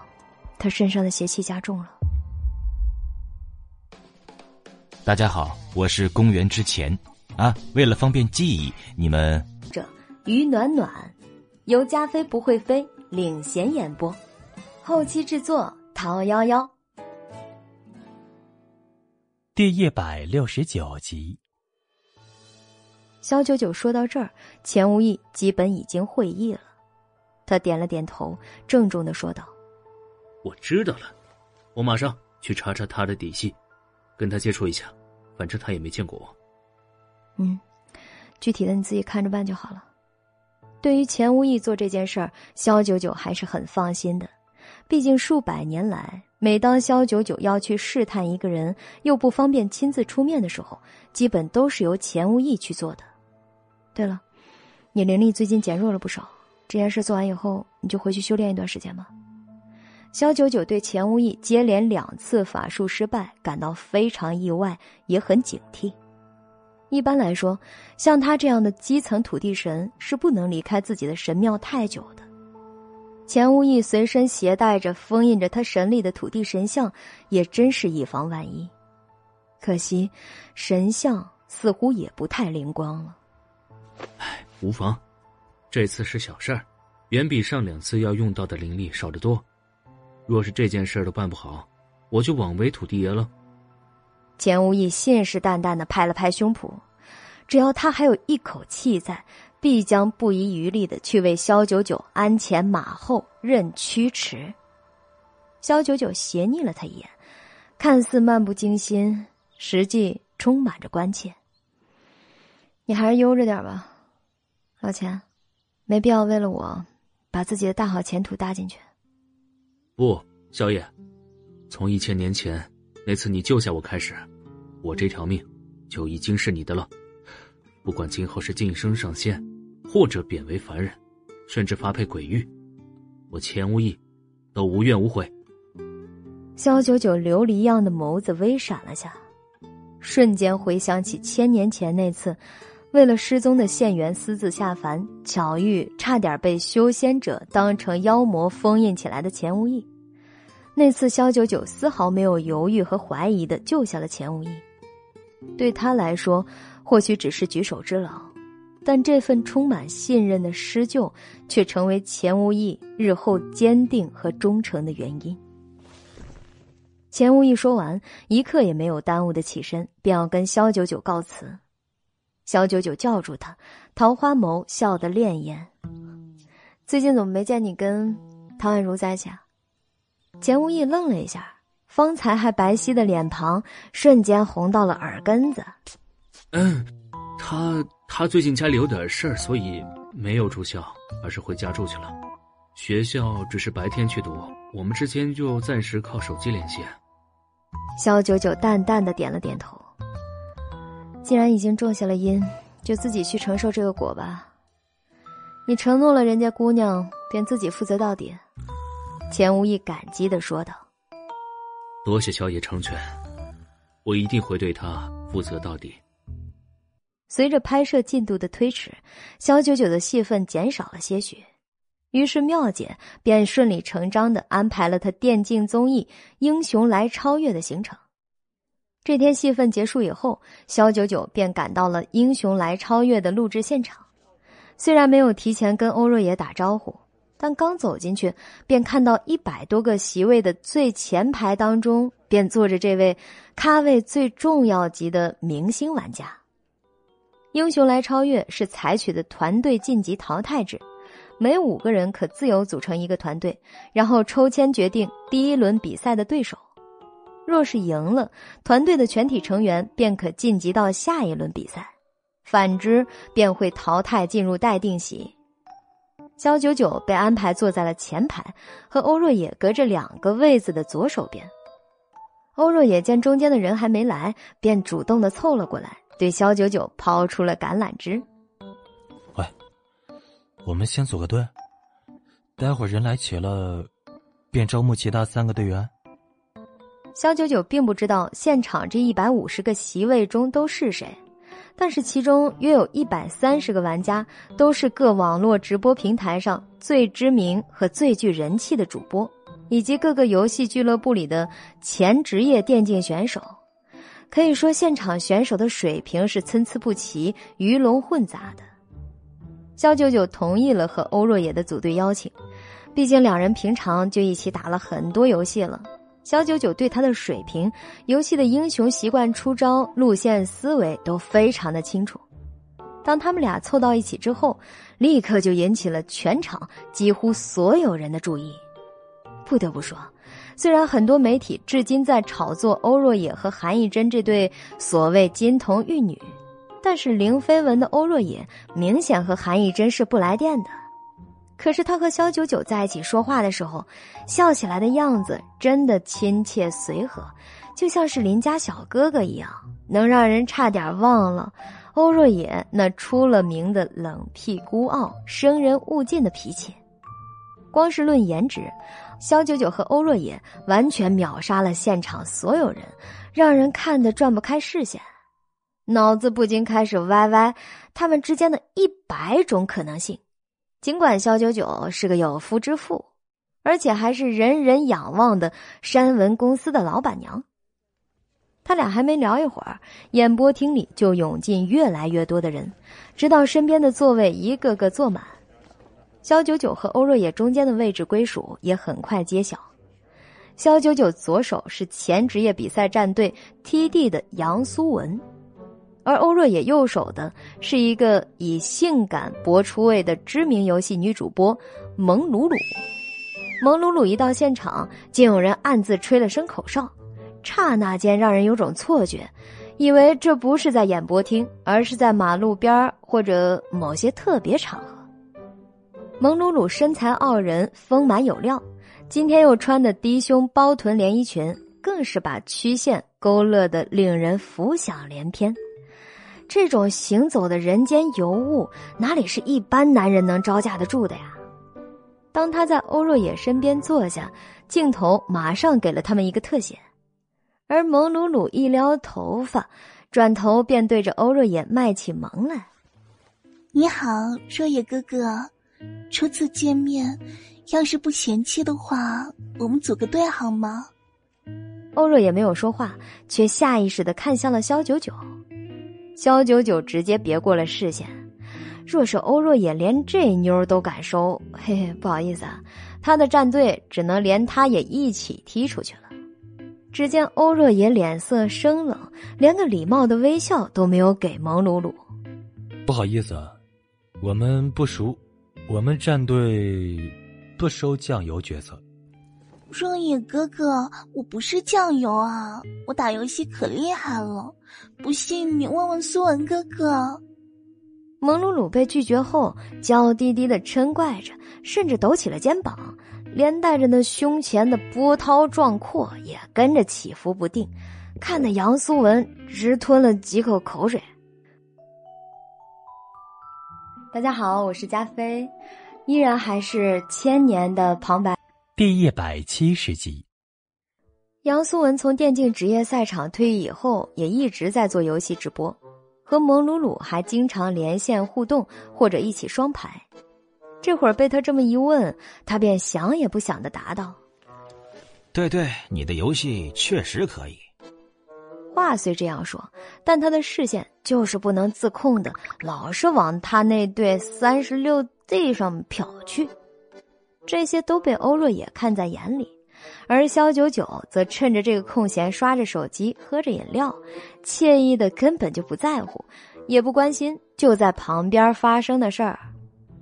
他冷笑一声，直接把蒙鲁鲁这个烫手的山芋扔给了肖九九。那你去问问我们队长，如果他收你啊，我绝无二话。蒙鲁鲁的表情瞬间娇憨起来，甚至伸手下意识的做事，想要去捶欧若野的小胸口。若野哥哥，你好讨厌啊！像你这么优秀、全能的爱豆，不管在哪里，永远都是最闪耀的那颗星。队长也只能是你呀！自认为聪明的蒙鲁鲁，娇滴滴的对着欧若野狂吹彩虹屁，兼撒着娇。可惜啊，他并不知道，眼前这位爷早就被亿万粉丝的夸赞捧得完全免疫了。对于他这种，更是毫无感觉，甚至连职业假笑都懒得挤出一个。他不动声色的挪肩，闪过了蒙鲁鲁的嘿嘿小拳拳暴击，然后冲着肖九九那边递了个眼神儿。那，我们队长啊，就是那位肖九九，你去问他吧。只要他同意啊，我便收你做第三名队员。蒙鲁鲁不可思议的转头看向肖九九那边，而对方只是气定神闲的在玩手机，貌似压根儿就没注意到发生了什么。人人都知道，欧若野对电竞很有天赋，常常在采访中自称，若不当明星的话，一定会去打职业比赛的。他荣耀世界已经达到了最高等级王者的十三阶，这个成绩在普通人中已经是非常傲人了，何况是鲜少接触游戏的明星呢？蒙鲁鲁只看了肖九九一眼，便暗自笃定，欧若野一定是在骗他。像肖九九这副事不关己的样子，打游戏才是那个最酱油的角色。欧若也连他都不嫌弃，竟然嫌弃自己。若野哥哥，你别跟我开玩笑了好吗？一会儿演播要开始了，我们必须先组好战队。你就让我跟你一起好吗？呃，那呃那个鲁鲁啊，要不然你到我战队来吧啊！我第一个招你，队长让你当，队员随你选，好不好啊？忽然，旁边的杨苏文忍不住了。蒙鲁鲁那对三十六 D 就活色生香的在他面前晃动，这比任何线上的互动都更加诱人犯罪啊！于是他放下前 TD 战队射手应有的骄傲，主动对蒙鲁鲁示好。至于游戏的输赢问题，他才不管呢。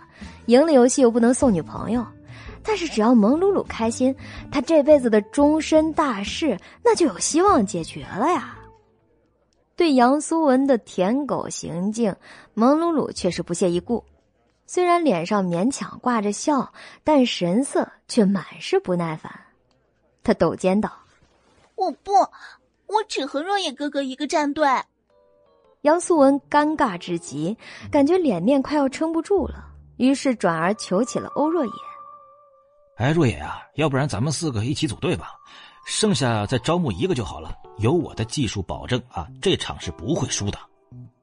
前职业选手信誓旦旦的拍着胸脯为蒙鲁鲁作保，按道理是个人这个时候都会心动的，毕竟是职业选手，实力可远胜过场上剩余的主播或者是明星嘉宾之类的，有他在，战队的实力便可一跃飙升。杨苏文的话音未落。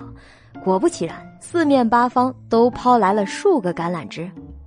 苏文，跟我们一个队吧，我们需要你。别听他们的，他们是菜鸡炮灰队，注定是一轮跪的。哎，苏文，来我们战队，我们就差你一个了。苏文哥哥，你别光跟这鲁鲁在一起啊，偶尔也照顾照顾我们这些小主播嘛。毕竟人家也曾经和你连过线呢。各种邀请引诱接踵而至。一时间，杨苏文有些得意，侧目看了下蒙鲁鲁，以为他会改变心意。然而，蒙鲁鲁的心却死死的系在了他根本得不到的男人欧若野的身上。苏文哥，我谢谢你的照顾，但是其他的妹子也很需要你，要不你考虑一下去帮帮他们？对于蒙鲁鲁的恩将仇报，杨苏文的脸顿时青一阵白一阵的。但他还是不放弃，转头再次问欧若野：“我的实力你应该是有所了解的啊！我们组队天下无敌，加上蒙鲁鲁，我相信他不是酱油。”一番话虽然说的慷慨激昂的，但其实他心里是在哭丧着脸儿，恨不得跪下求这位爷给他点面子。可是直男欧若野跟他完全不同，他是认真来比赛的，而不是来撩妹的。于是他再次开口强调：“问肖九九，他同意，啊一切都不是问题。”这次杨苏文二话不说，直接问肖九九：“肖小姐啊，只要你让蒙鲁鲁加入，我可以保证我们队轻松完胜，怎么样啊？”杨苏文说这话时，脑门已经有些冷汗冒了出来。肖九九这号人物，他也是最近在无孔不入的夺磊系列广告上看到的，在经过微博热搜的事件以后，终于有所了解。但是他在电竞界那真是一个寂寂无名的白丁啊！妹子打游戏本来就是辅助偏多，比如这个蒙鲁鲁就是。现在一个战队里若是有两个妹子，真怕他们为了抢辅助位而打起来。杨素文虽然嘴上说的轻松，还是感觉到不小的压力的。要把两个妹子带着躺赢，他必须豁出命去认真打才行。肖九九把最后一口气泡水喝完，漫不经心的瞥了他一眼。行。刚拿起饮料来喝的欧若野差点喷出来，不是说好了非实力选手一个不要吗？他以为在这方面肖九九肯定和他想法是一样的呀。毕竟他的胜负心强烈的可不输给自己多少，然而现在塞了个肉装女主播进来，他预感这场比赛很快就要失控了。小九九，你认真的吗？你要让他们两个都进来？肖九九耸肩，本来我们就缺人呢，来谁都一样。这怎么能一样呢？杨素文倒是不错，可是他……欧若野毫不掩饰的用嫌弃的眼神瞥了一眼前演播，第一百七十一集。而对方伤心欲绝的做出抹眼泪的样子，欧若野更是无言的想仰天长叹。他那么信任萧九九。没想到他却把自己往死里坑啊！正当欧若野还想说些什么的时候，演播厅中央的灯光都亮了起来，两名主持人走上台，演播正式开始。此时选手席上已经坐得满满当当的了，除了欧若野以外，第一排的明星嘉宾都是三线以外的，也因此他坐在了最当中。主持人手持话筒，开始慷慨激昂的介绍起了节目的嘉宾，还有各选手席上的选手。欧若野作为重中之重被推上舞台，顿时这选手席和观众席上掌声不断。特意前来支持他的粉丝们也纷纷举起了爱的灯牌和海报。若野作为新生代顶流巨星，平时呢除了唱歌拍戏之外，在我们的荣耀世界也是有着不小的成就。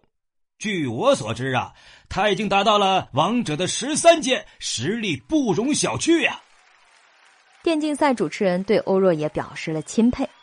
本来普通玩家打上王者就很困难了，何况是一个业务各种繁忙的当红明星呢？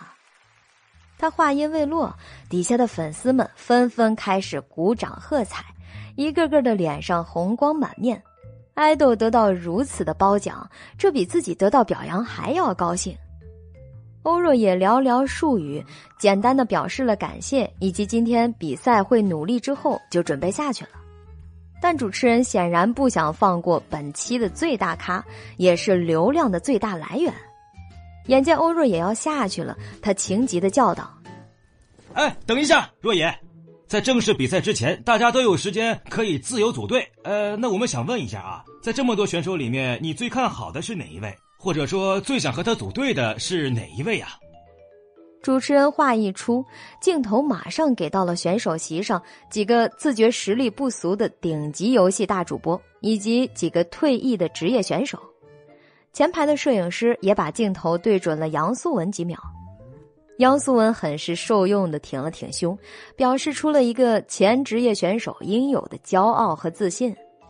可是蒙鲁鲁的视线却根本就不在他的身上，他一直盯着的都是台上的欧若野。欧若野嘴角动了动，视线比思想更为诚实的瞥向了萧九九。如果这世界上还有一个人能在荣耀世界中让他感到服气的话，那一定只有他了。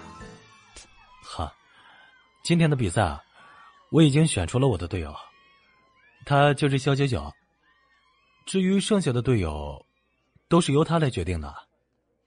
主持人马上看向前排的肖九九，心中暗自诧异，表情也出卖了他的内心。他们确实向肖九九发出了邀请，但那不过是来自上面的压力而已。至于肖九九本人会不会打荣耀世界，那还是个问题呢。就算会打，也多半是个打辅助的酱油角色，帮大家治疗一下就好了。主持人本身作为荣耀世界的忠实粉丝，对这种花瓶依靠背景空降，明明不行却非要秀下限博眼球的女明星感到非常的反感。于是他心生一计，故意把话筒递给了肖九九。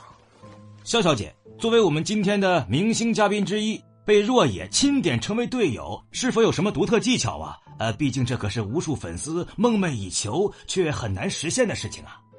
言外之意，肖九九不过是个没用的花瓶，却被欧若野这样的实力大神相中作为队友。这背后若不是有什么压力相逼，他可不信欧若野本心能做出这样的选择来。忽然被镜头怼到脸上。肖九九表情却是出乎意料的冷静，大有泰山崩于前而面不改色之意。技巧倒没有，大概就是 solo 赛他输给了我，所以心悦诚服罢了。肖九九的话一出，欧若野的粉丝们嘘声不断呐，选手席也都轰的一下讨论起来。肖九九怎么说话能这么嚣张呢？就算她是山文的老板娘，背景不俗。可是粉丝们并不会买她的账啊！她若是没有实力，敢说这样的话，岂不是等着自己打脸？就连蒙鲁鲁也瞬间咯咯的笑个不停，对杨苏文悄声道：“ 就他，估计连个白银都难，还敢说这种大言不惭的话。现在的女明星真可怕呀！为了制造噱头，什么都敢讲。”杨苏文不停点头表示同意，他本来就对肖九九的实力表示怀疑。这种电竞综艺为了收视率，多少要请一些能制造话题的女明星过来，比如肖九九，在他的心中就是起到这种作用的人。就是他把我们电竞行业当成什么了？敢说这种话，待会儿自己实际操作起来，进场就被对方秒成渣，不仅丢自己的脸，也丢了欧若野的脸。亏他还选了他当队友，蒙鲁鲁表情一下子沮丧担忧起来。就是啊，他这样只会害了若野哥哥。据我所知，若野哥哥好胜心可是很强的，他那么想赢，别到时候被小九九这个菜鸡给害得躺输了吧？就在场上几乎所有人都在质疑的时候，欧若野却忽然示意大家安静下来。并说道：“其他的话，我不想多说。一会儿比赛，你们就会见识到他真正的实力。”现场出奇的寂静，但也仅仅数秒过后，更多的人开始幸灾乐祸。这欧若野是不是在片场里面被这个姓肖的女人给潜规则了呀？啊，压抑太久，现在上节目报复来了。说这话的是个很有名气的游戏大主播，叫肖二。从一开始，他就抱着看戏的心态在看肖九九和欧若野的对话。对自己的游戏水平自信心爆棚的他，也拥有数千万的粉丝，更被捧为实力虐菜的十足主播。他忽然有了一个想法：若是能在游戏中抽到跟肖九九他们对战，他一定要把肖九九给虐哭不可。哎呦，那么漂亮的妹子！却非得那么瞧不起人？我今天只要遇到他，一定要给他点颜色瞧瞧。看到大主播带头这样说话，选手席上一些其他的男选手也都表示了支持。电竞游戏不需要妹子，特别是在正式比赛中，你看见过几个妹子？能出现的也都跟足球宝贝一样，哼，做个吉祥物罢了。就是要好好的在游戏里面修理修理他。让他一直看着黑白屏，就知道自己刚才口出狂言是多么的可笑了。主持人见现场选手和观众的情绪都有些激动，感觉自己已经达到了目的。肖九九果然拉到了足够的仇恨，这样他们的综艺话题度肉眼可见的飙升啊！喜马拉雅独家出品，第一百七十二集。尽管选手席上的交头接耳声音都很低，但肖九九却没有错过任何一句挖苦、讽刺，还有贬低他的话。当然，以那个大主播肖二为首的代表也都被他记在了心里。肖九九眯了眯桃花眼，淬着冷冽和不容侵犯的决绝。他不过是往选手席的方向轻飘飘的看了一眼，那个肖二也不知是做贼心虚还是怎么，跟他眼神对上，瞬间心头一震，他好像被这个女人给盯上了，并且记住了。他的眼神满满的都是警告的味道，这女人该不会是睚眦必报的主吧？可是没道理啊，他说的话他怎么能听得见呢？肖二的恐惧感只持续了数秒，这个想法掠过心头以后，自己都觉得可笑。之后便照旧跟旁边的人谈笑风生，再没把肖九九当回事儿了。主持人见气氛营造的差不多了，选手和观众的情绪都被煽动起来了，便趁势拿起话筒道：“那就让我们在正式的比赛中见识一下二位的风采，期待你们以及各位选手的表现。”欧若也回到了嘉宾席上，现场很快开始了自由组队。肖二作为当红的大主播，自带人缘光环，这种比赛更是人人争着抱大腿。于是他很快组好了自己的战队，其他的人也没有含糊，基本上是强强联合的组好了各自的阵容，也很快商量好了每个人在比赛中的位置。只有欧若野和肖九九他们的战队。除了蒙鲁鲁以及杨苏文以外，还差一名队员。虽然争着来报名的人也不少，但大多数都是酱油角色。这时，欧若也一眼瞥见了人群中有个非常孤独、没有人去邀约的身影。当然，他也没有跟任何人谈过想要去别人的战队。他仿佛沙漠里的一匹孤狼，桀骜不驯，对这个需要团队合作的游戏来说，显得很是违和。那是谁啊？肖九九眼神投过去，蒙鲁鲁也跟着看了过去，随即他咯咯的不屑笑道：“他呀，他是个电竞边缘人物，叫宗化，是个只打王者局的小主播，名气不大，脾气却不小。”拒绝了很多商业演出邀约，在圈子里没什么人缘。只不过今天这个比赛他能来，还蛮让人意外的。肖九九摸了摸下巴，对这匹孤狼表示出了兴趣。只打王者局？只打王者局又怎么了？他实力大概有点吧，可是也没到多牛皮的地步。而且他打比赛的时候会骂队友的。谁愿意跟这种人合作呀？蒙鲁鲁对这个宗业也没有什么好印象，因为宗业非常鄙视他这样的靠性感博出位的女主播。有点意思，肖九九拿出了手机问蒙鲁鲁道：“你知道那个宗业的游戏 ID 吗？”蒙鲁鲁点点头，表情还是一样的不屑。他就一个游戏 ID，看过直播的人都知道。叫不负我青春年少。末了，他忽然想到了什么，瞪大眼睛道：“你该不会是要邀请那个宗化到我们战队吧？有他在，我们肯定要被骂的狗血淋头的。还是算了。”他说的“我们”便是指的他和肖九九。他想当然的以为肖九九跟他是半斤八两的酱油角色，或者比他更加差劲儿。肖九九却连回答都懒得回答，直接撇了撇嘴，走向那个宗叶。刚才他已经快速查到了他的战绩，果然每把都是王者局，赢的局有百分之八十五以上的 MVP 都是他，而输掉的比赛，他也几乎都是 SVP，也就是败方最佳。此时，宗叶正低着头玩着手机，没有人能看出他的心里在想着什么。旁边都在热火朝天的组队聊天而他就像是一个局外人一样。也许他正后悔着自己不该来今天这个电竞综艺。综艺是吧？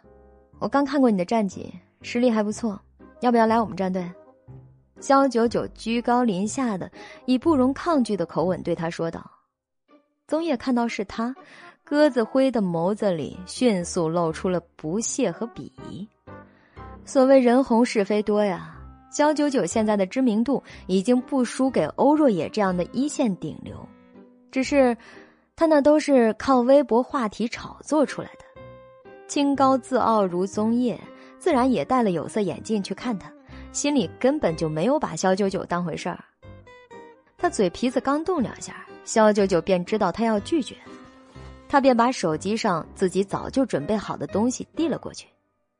宗叶下意识的蹙眉。可当他的眼睛看清屏幕内容的时候，身子不可置信的震了一下。这，他一个“这”字还没说完，肖九九斜似的挑眉：“别这那的，那么多废话，就说要不要过来？虽然队里有个累赘，但是四打五的赢面还是很大的。”宗叶深深的沉浸在刚才自己看到的内容当中，惊骇的瞪着眼，不由得吞了吞口水。眼前的这个女人莫不是在骗他？可是这是现场比赛，他若是没有那样的自信，到时候岂不是自打脸、狼狈之极？宗叶下意识的缓缓的点了点头。于是，当蒙鲁鲁和杨苏文还在讨论要邀请谁的时候，肖九九已经带着宗叶走了过来。蒙鲁鲁不可置信的眨了眨眼，竟然是宗叶。他竟然真的会答应肖九九？怎么可能呢？肖九九是怎么做到的？宗野基本上是个极致反感女玩家的人，对女玩家也有着很大的成见。是什么能够让宗野放下这么深的成见走过来，和他们成为队友啊？难道是肖九九用了美色勾引？肖九九眉头一抬，对着队友。主要是欧若野简单的介绍道：“这是宗叶，擅长打射手位置，正好我们队里缺个射手。虽然他打起来几乎是每个位置俱佳，可是他最喜欢的还是打野，在敌方野区闲逛的那种感觉真的是太棒了。”欧若野像是看怪胎一样看了看肖九九，这女人还真的是谁都能叫得动啊。不过他也没反对什么。毕竟他很了解肖九九，和他的想法是一样的，一样想赢。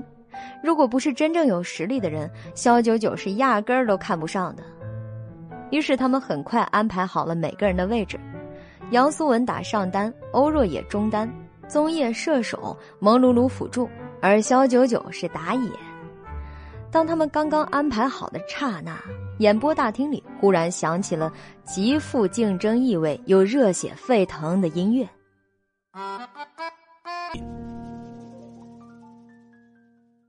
第一百七十三集，第一轮淘汰赛开始了。大屏幕上很快给出了系统随机抽签的结果，肖九九的对手正是肖二等人。看到屏幕上给出的这一结果，肖二不怀好意的朝着肖九九他们的座位席看过去。肖九九和蒙鲁鲁在他看来就像是两块任人宰割的肥肉。这把比赛太轻松了，待会儿一进去，先把那两个酱油干掉。是整局游戏，他们就等于是在三打五。我要立个 flag，那个肖九九不是架势挺大吗？待会儿我就要拿他的一血。这把游戏啊，他和蒙鲁鲁两个人只要看黑白屏就足够了。哎，其实也蛮轻松啊。肖二和他们的队友们越说越兴奋，开始摩拳擦掌，等着进去看看谁能先干掉肖九九，好挫挫他的锐气。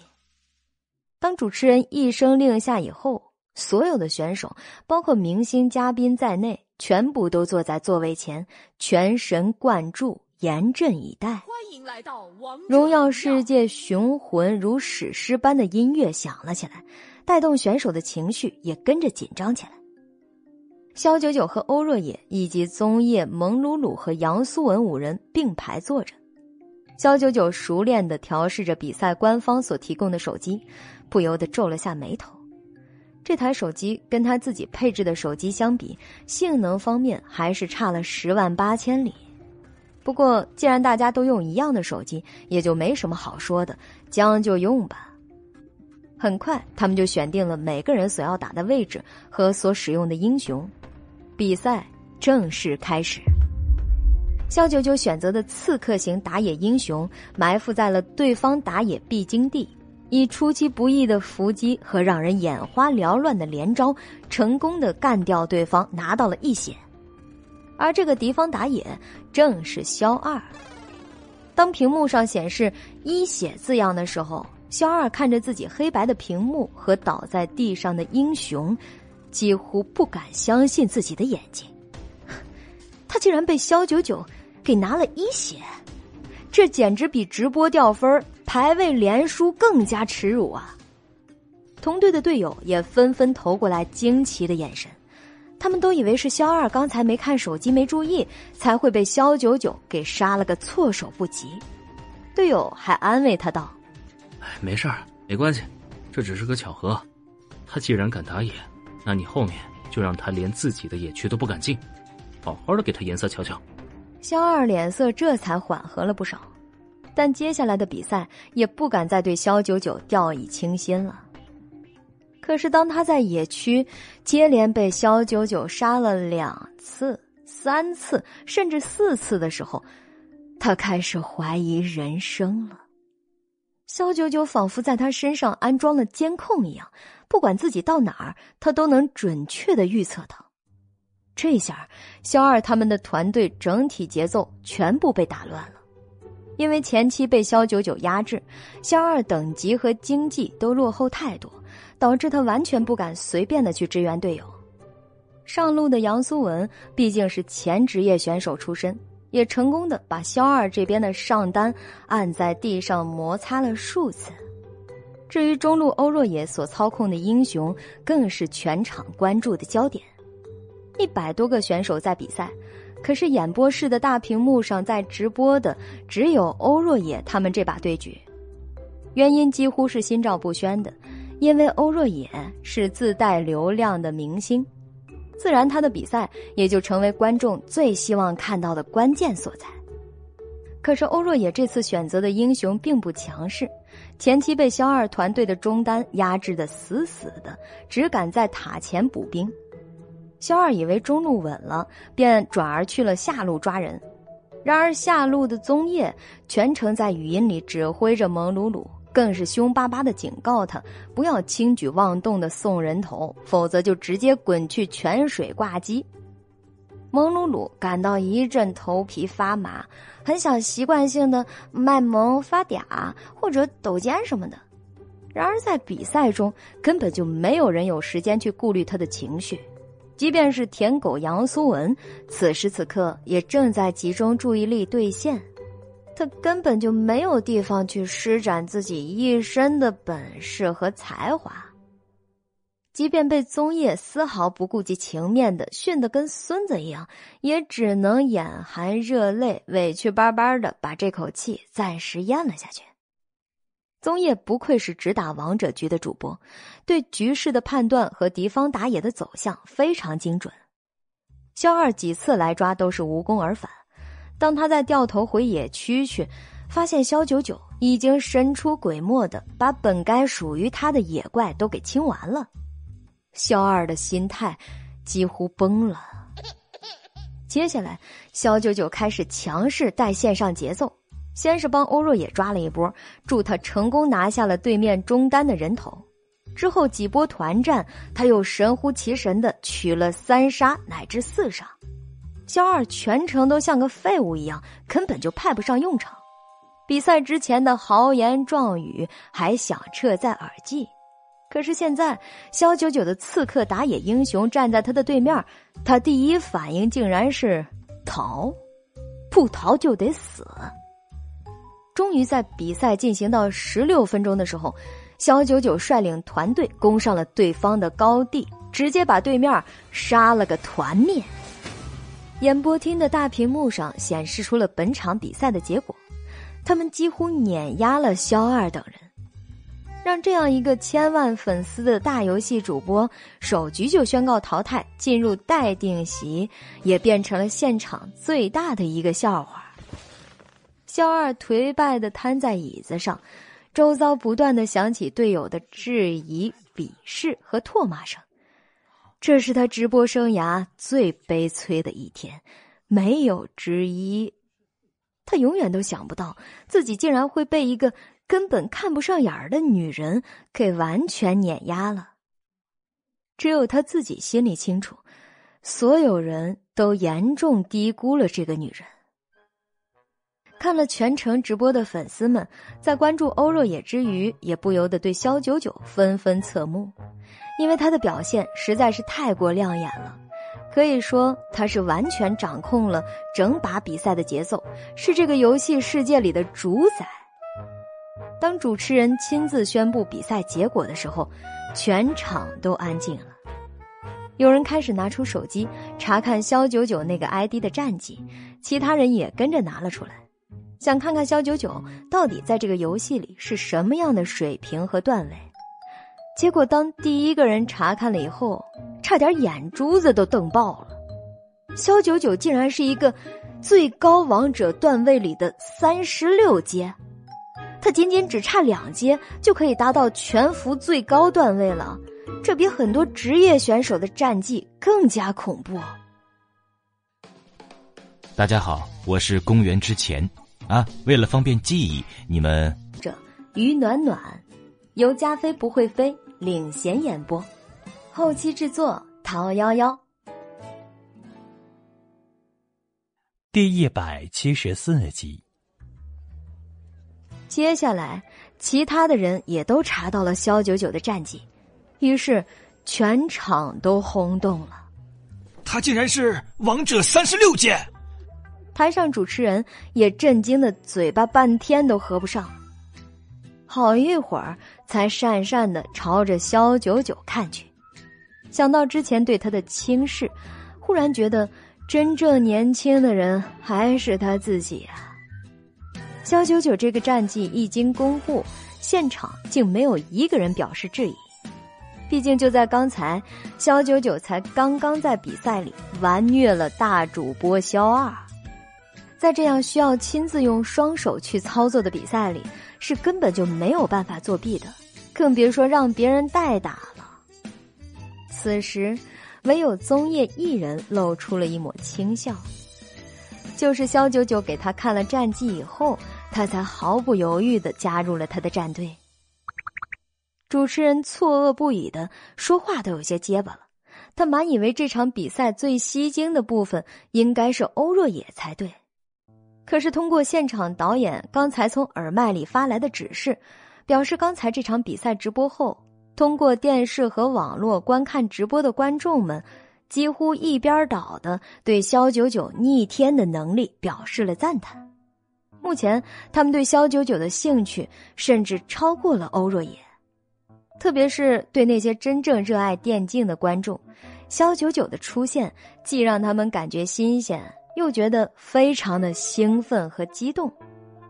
作为明星，欧若野的战绩和实力已经是非常不俗的了，可没想到肖九九作为一个妹子，竟然还远超出欧若野一大截儿。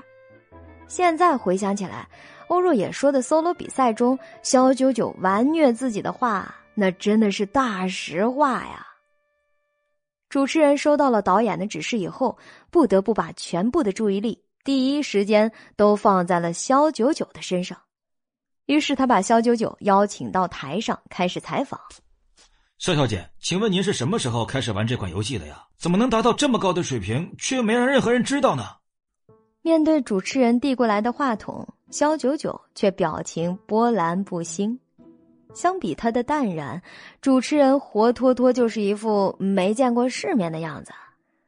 很早就开始了，早在这个游戏刚刚出来的时候，那个时候国内开始接触的人还不多，所以我的成绩累积的比较高，算是比较走运吧。其实，如果把真相说出来的话，肖九九害怕会把他们都给吓一跳的。他刚开始接触的何止是荣耀世界呀！而是类似《荣耀世界》的这样电竞游戏的开山鼻祖，他都是全球前十的玩家。在他玩鼻祖游戏的时候，柳城拥有个人电脑的家庭还不到一半呢。肖九九耸了耸肩，灿然一笑，眼若桃李。主持人眼睛都看直了。不得不说，虽然他对肖九九一开始没有多少好感。但对他的颜值确实是心悦诚服的。那既然你有这么高的水平，为什么没有考虑打职业比赛呢？而是做了明星啊？也许你打职业比赛的话，现在已经闯出了一片天空呢。这个时候，主持人好奇的问道：“肖九九轻瞥了他一眼，神情泰然自若。那你又怎么知道我做明星的成就就一定不如打职业比赛呢？”一番话呛得主持人无话可说，他身上那股明媚张扬的自信，如洪水般的瞬间把他给吞没了。他根本就无法反驳，只能讪讪的笑了一下。场上忽然有人开始鼓掌，并且发出欢呼，接着有更多的人开始为肖九九鼓掌，包括欧若野乃至宗叶在内，都被他的张扬自信、优雅万方的仪态和精神给深深的感染了。当今娱乐圈，像肖九九这样的几乎是独一份儿了。当天录制结束以后，肖九九一路带领他的临时团队顺利的成功晋级。临了被通知下一次的比赛务必请他继续参加。肖九九未置可否的笑了笑，正要走出录制大厅，忽然头顶着卡哇伊的粉色猫耳朵发饰的妹子朝他走了过来，小心翼翼的问道：“请问，您可以给我签个名吗？”肖九九抬眼一看，记得他好像是选手席上的某个平台主播，实力比蒙鲁鲁要强一点而且他并不依靠性感播出位，对电竞游戏有着独到的见解和坚持。于是他轻轻的点了点头，在他递过来的猫爪形签名卡上，迅速的签下了自己的名字。妹子欢呼雀跃：“我实在太出卖你了，笑小姐。”以后你的每一场比赛我都会看的。旁边的欧若野不由得扶额，因为肖九九的表现实在是太过亮眼，连电视台都改变了录制计划，临时为他增加了好几期的比赛。而这个妹子甚至兴奋到忘记了肖九九原本的身份，她是个演员，是个明星啊！喂，又不是职业电竞选手。妹子抱着肖九九的签名，兴奋的一蹦一跳的跑走了。接着，在出口处，肖九九又遇到了几个粉丝，同样的是对他的游戏实力钦佩的五体投地。事实证明，他的预感是非常正确的，因为当晚，肖九九很快就冲上了热搜。与前几次都不同的是。这次他不再是跟绯闻绑定，而是凭借亮瞎眼的实力操作，大大的斩获了一批粉丝的心呐！因为他连带着让节目的话题度都跟着飙升了几百万，也成功的挤进了热搜榜里。肖九九实力吊打当红游戏主播肖二，肖九九参加英雄去超越比赛，全程高能不输职业选手。看到这些，肖九九不由得叹了口气：“哎，他是想用演艺作品来说话的。你看，这没想到还没拍出一部能让他站稳脚跟的作品，人却在电竞综艺上这莫名其妙的就红了。肖也表示自己真的是不想红，因为比赛中的表现都是他的常规操作而已，而且嘿。”他已经特意收敛了许多了。当晚，他回到金氏酒店的时候，妙姐差点把他的电话给打爆。哎呦，小九九，没想到你还藏着这么一手呢！这打游戏这么厉害，你可真的是另辟蹊径了。你，现在你可算是红透了，网上随便一刷都是你打比赛的视频啊！妙姐对着电话兴奋的嗷嗷直叫。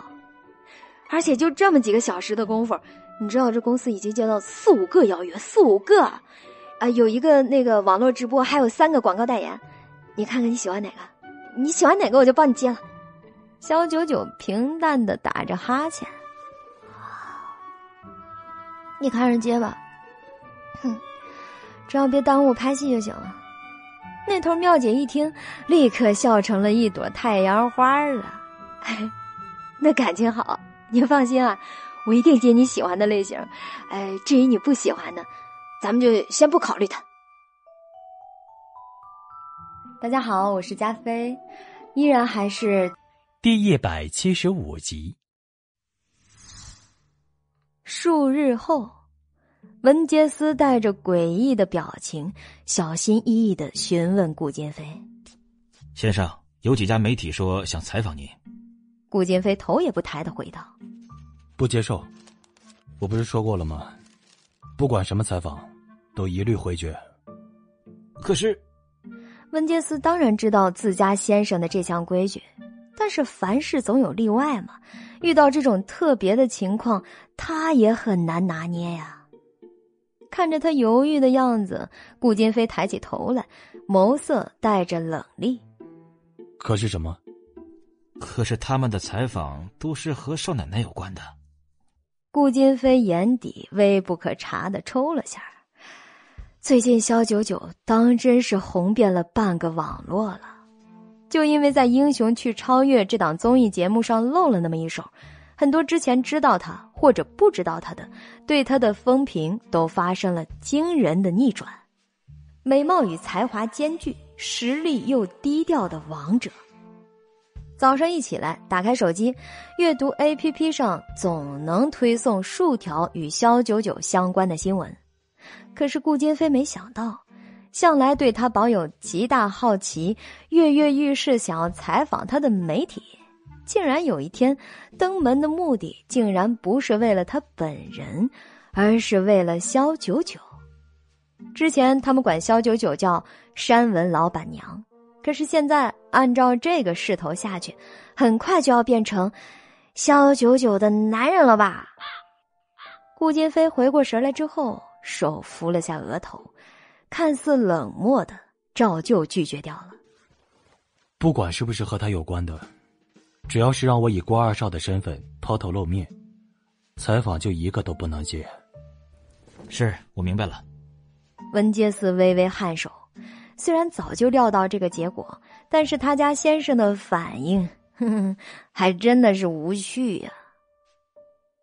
很快，周末来临。顾小婉生怕肖九九会忘记，特意打了个电话来问他是否要参加阿燕的生日派对。肖九九应允了。顾小婉挂断电话，顿时长出了一口气。旁边坐着原本在漫不经心玩游戏的阿燕，霎时抬头，目光紧盯着他。这么说，他终于同意了，太好了！为了这次的生日派对，他已经筹划了好久。为的就是给肖九九一个惊喜，虽然这是他自己的派对，跟肖九九一点关系都没有。晚上，肖九九按照顾小婉说的地址如约而至，这是顾小婉的夫家李玄家的别墅。此时虽然天色已黑，但是别墅的内内外外都灯火通明，愣是把半边天空都给映得雪亮。极具东南亚风情的建筑风格，以及庭前屋后栽种的本来并不适宜在柳城这种气候生长的椰子树，生生的把宾客们拉到了异域。肖九九停好车，看到别墅的大门敞开着，只有几个保镖在查看进门宾客的身份，而透过大门就能看到里面有一个巨大的游泳池。此时，无数穿着比基尼的男男女女正在五彩缤纷的灯光下跃入池中，纵情玩耍，放声调笑。李家燕当真把一个纨绔富家子弟表现到了极致啊！肖九九唇边勾起一抹轻笑，人还是来到了别墅门口。奇怪的是，别墅的保镖仿佛认识他一样。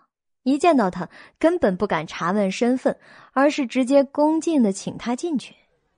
肖九九一眼便看到阿燕正簇拥着三五个美女，手里举着香槟，笑得异常开心。当他看到肖九九的时候，笑容立刻就僵住了，脸色甚至有点不好意思起来。他推开了美女，朝着肖九九走来：“邹仙女，你终于来了。不对。”现在应该叫你肖大明星了吧？真是好久没有看到你了，太想念我们一起飙车的日子了。肖九九的一双眼睛亮晶晶的，好似天上的万千星辰。这时看向阿燕，眼底浮现出一抹耐人寻味的意思。其实，以他神识来判断，阿燕虽然酷爱飙车，但骨子里并非不学无术的纨绔子弟一类。相反，他爱车、懂车、玩车，对车有着极高的天赋，也非常懂得坚持。可是眼前的这个阿燕身上流露出的败家子儿的味道，却跟他本身一点都不匹配。不愧是阿燕少爷啊，这派对可是真有排面儿。萧九九敛住神色，勾唇一笑，道：“阿燕也跟着笑道，要不是这样，怎能配得上你这样的贵客来呢？”说着，佣人便送上来几杯饮料。萧九九随便拿了一杯玛格丽特。眼睛的余光却瞄到，偌大的庭院里好像有个很是熟悉的身影。因为对方的身材颀长，又习惯藏在较为阴暗的角落里，肖九九一时没看清楚他的样子。可是那熟悉的感觉却是骗不了他，是姚宪元。看到肖九九的眼神往远处飘了过去，阿燕也好奇的跟着瞅了一眼。结果只看到一群男女在玩真心话大冒险。肖九九便问阿燕：“今天这场派对你邀请了哪些人呢？”阿燕以为他在找顾金飞，便笑了笑，似乎有些抱歉的说道：“嗯，邀请了很多人，三教九流都有，明星、网红、政客、商人一应俱全，但是唯独你在找的那个人，今天恐怕不能来了。”肖九九转过头，挑了挑眉，看着他道：“我在找的人是谁？”阿燕道：“哎呀，都是一家人嘛，你就别再跟我绕圈子了。我知道你在找我舅舅，不过嘛，今天这个派对是我们李家举办的，顾家一向看不上，舅舅他就算有心，恐怕也来不了。”虽然阿燕完全误会了他的意图。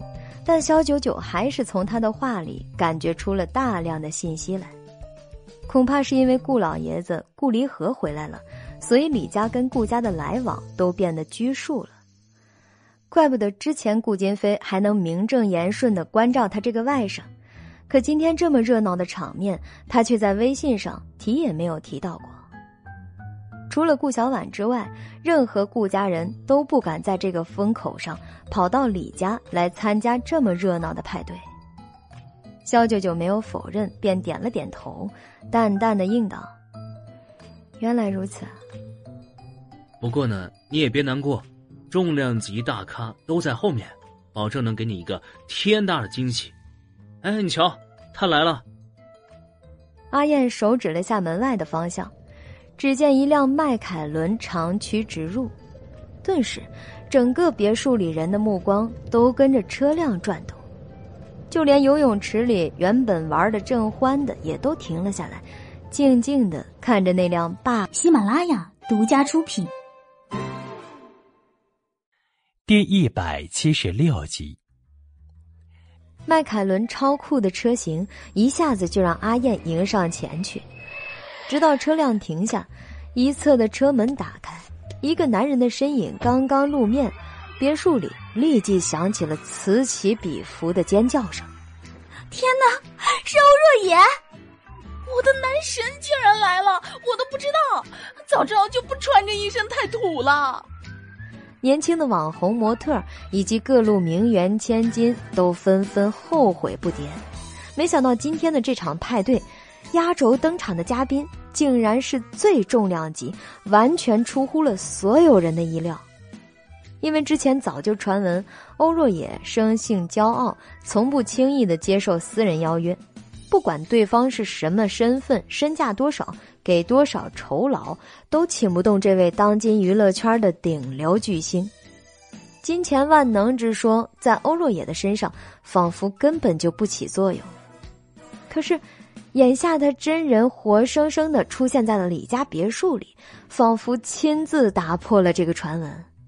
大家都以为是李家为了给阿燕庆生，砸下重金请了欧若野过来，这个时候，一直在厅内陪客人的顾小婉听到外面沸腾的尖叫欢呼声，终于忍不住皱着眉头走了出来。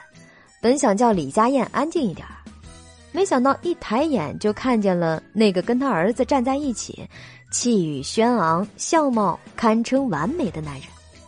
就算他已经生了儿子，并且跟肖九九差不多大，他还是一眼就认出了那是欧若野。他怎么会过来啊？他，是是他本人吗？欧欧若野本人吗？我怎么不记得我没有邀请他呀？顾小婉拉过今天派对的管事，情绪万分激动之余，话都不太会说了。他可是欧若野的亲妈粉啊！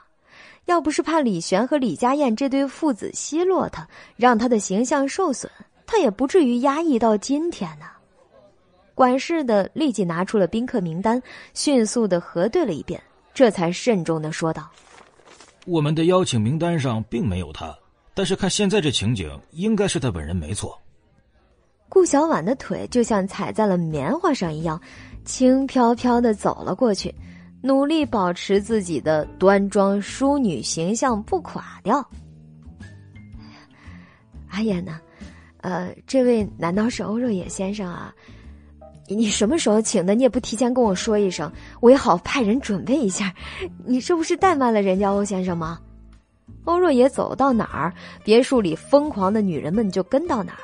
有些网红甚至不顾矜持的打开了直播，拼命拥挤到欧若野面前，就为了让粉丝们看看自己跟欧若野同框的画面。可是他们的手机却在第一时间被保镖们无情的给收了去。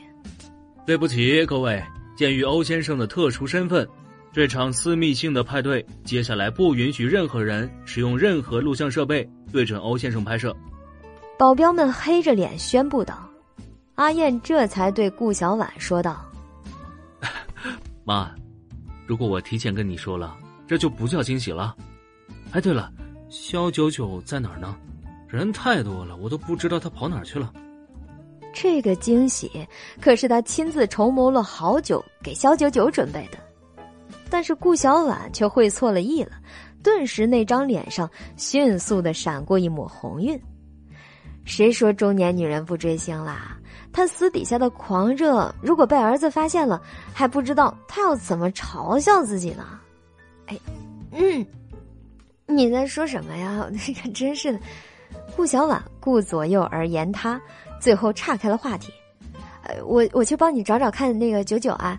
对了，他也是我们今晚的贵客呀，你可不能怠慢了他。李佳燕看着顾小婉兴冲冲离去的身影，对着旁边的欧若野神秘的笑了笑。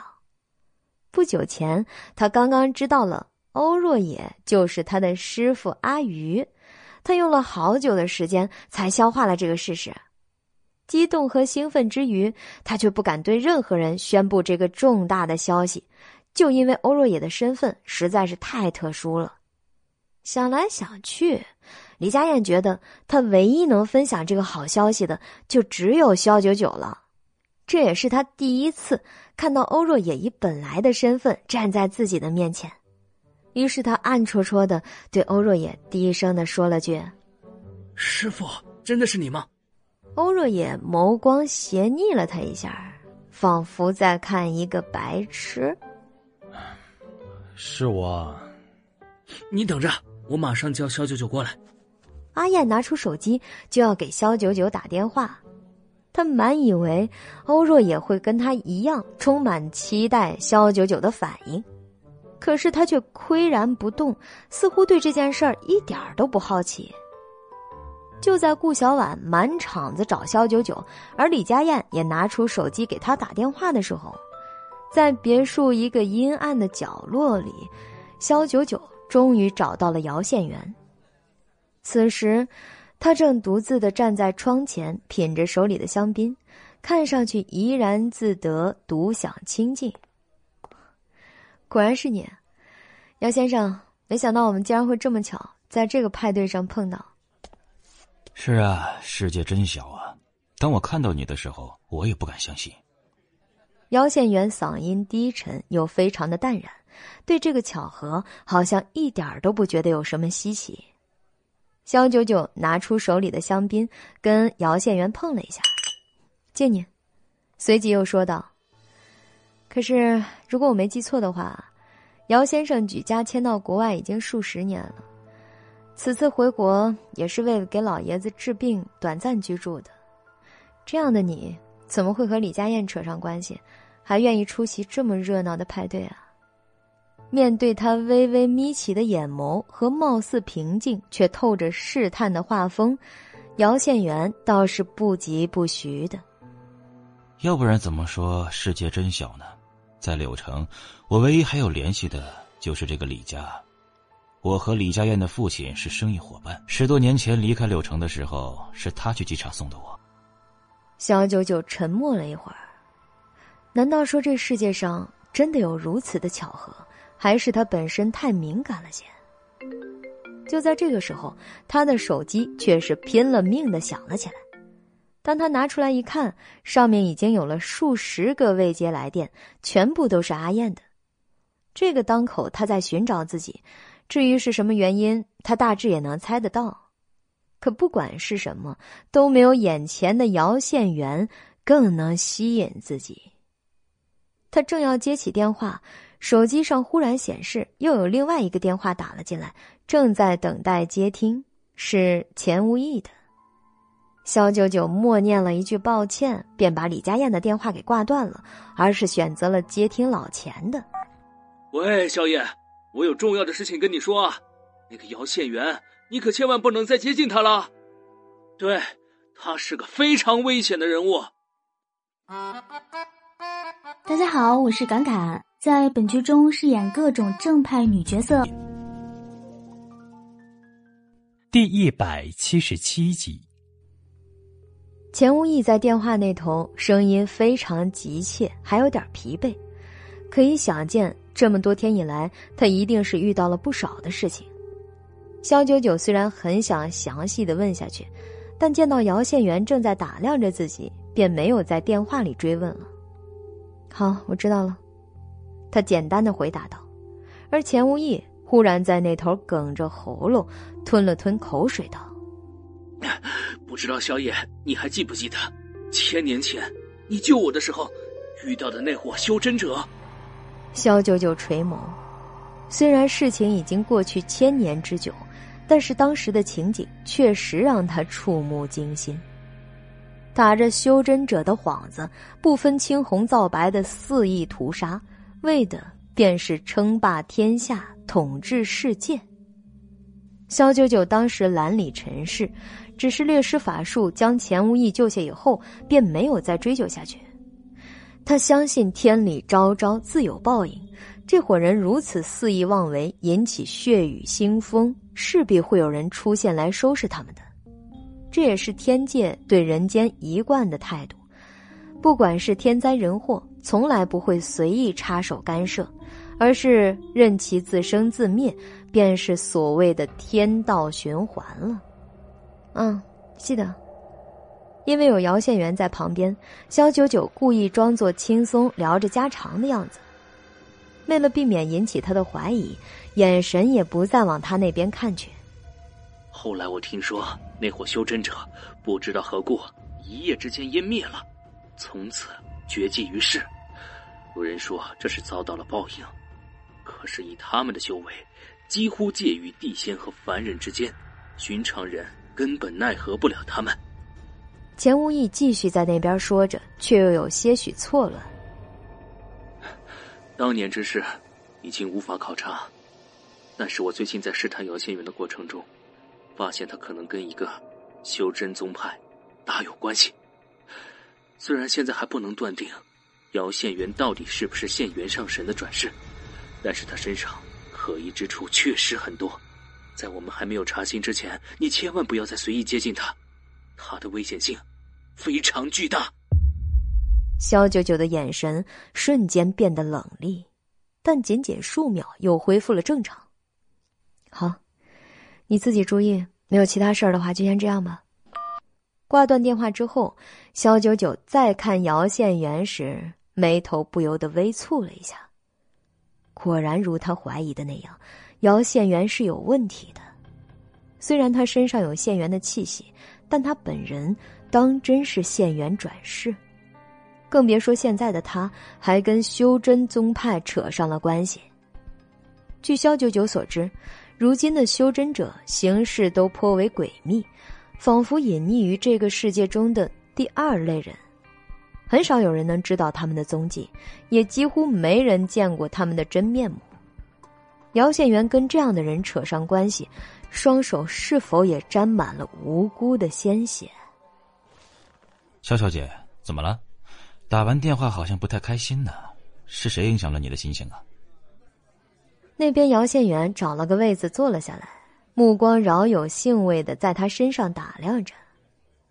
这跟从前那个对他充满防备和戒心、半句话都不想跟他多说的姚宪元，还是有着不小的差别。但萧九九却并没有在情绪上表露半分，他只是微笑了一下，顺着他的话风道：“不错，是打电话来的人影响了我的心情。难得在这样的派对上遇到了姚先生，想要多聊两句，可是那人却催着让我回家，实在是扫兴啊。”催着让你回家，难道是顾先生？姚宪元举杯，优雅的抿了一口香槟。深邃的眼神直盯着萧九九，好像要把他的内心都给看穿一般。萧九九脑海里还盘亘着刚才钱无义电话里所说的，他现在最想要的就是把这错综复杂的一切都给理清楚，特别是这个姚县元的身份问题，他需要亲自出马去鉴定一下。所以，即便他本人就站在他面前，他却是无动于衷，只想赶紧结束这场没有意义的尬聊。既然姚先生猜到了，那我就先走了。我还没跟今天的寿星打过招呼呢。他刚刚转身，身后的姚县元却陡然沉着声音道：“肖小姐，你上次不是还和家父说过，你和顾先生是形式婚姻，双方并没有感情吗？”既然如此，何来他催你回家这一说呀？肖九九黑如墨的瞳孔收紧，继而转过头说道：“就算是形式婚姻，也有剪不断理还乱的家务事要处理啊。怎么，姚先生在怀疑我？” 姚县元阴鸷的笑了下，却让人有种毛骨悚然的感觉。我只是开了个玩笑罢了。既然你们是形式婚姻，那我就放心了，因为最近我正在考虑想正式的追求肖小姐你，不知道你愿意接受吗？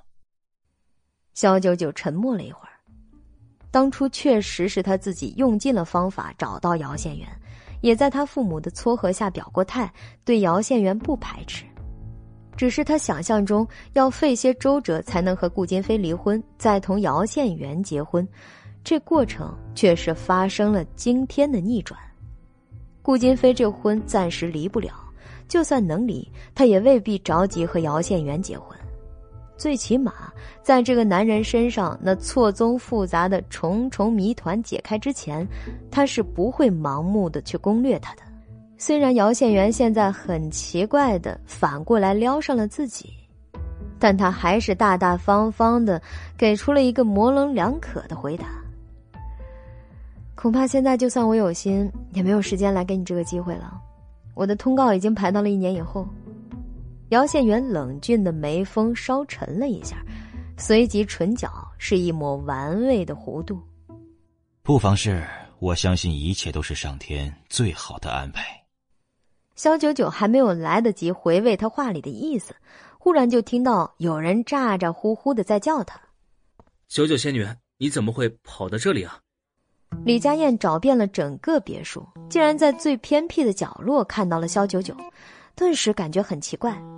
等他跑过来，才发现，阴暗的角落里，肖九九的面前竟然还有一个男人。嗯，苗叔叔，你怎么也在这里？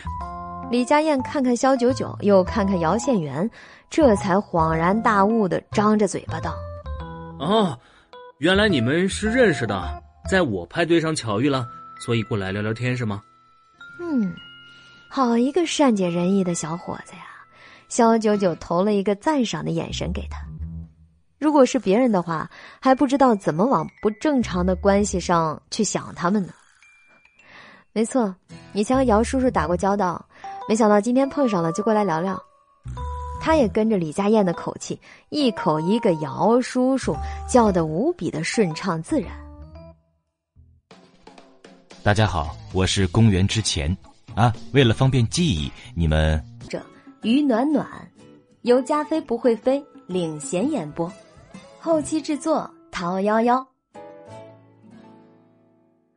第一百七十八集。没错，以前和姚叔叔打过交道，没想到今天碰上了，就过来聊聊。他也跟着李佳燕的口气，一口一个姚叔叔，叫得无比的顺畅自然。结果随后过来一个男人，猛地听到了这一句，却差点喷出来。欧若也一来就听到肖九九在喊别人叔叔，再看对方穿着谈吐都不俗，长相也是翩翩公子模样，一点都不像是个叔叔辈的人。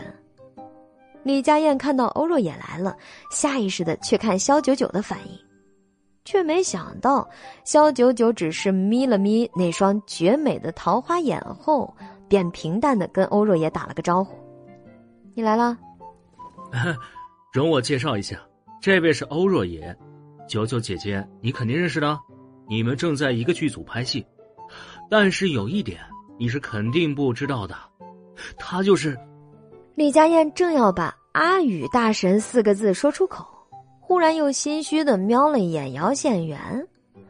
作为自己父亲的朋友，让他知道这等军机秘密，那可是不太妙啊。于是他便抱歉的冲着姚县元笑笑，然后附在肖九九的耳边，终于把那个他苦心隐瞒好久、独自一个人憋在心里、差点没给他憋坏了的爆炸性的消息，告诉了肖九九。他就是阿宇大神。肖九九平淡如水的点了下头。啊，哦，李佳燕差点没跳起来，她以为。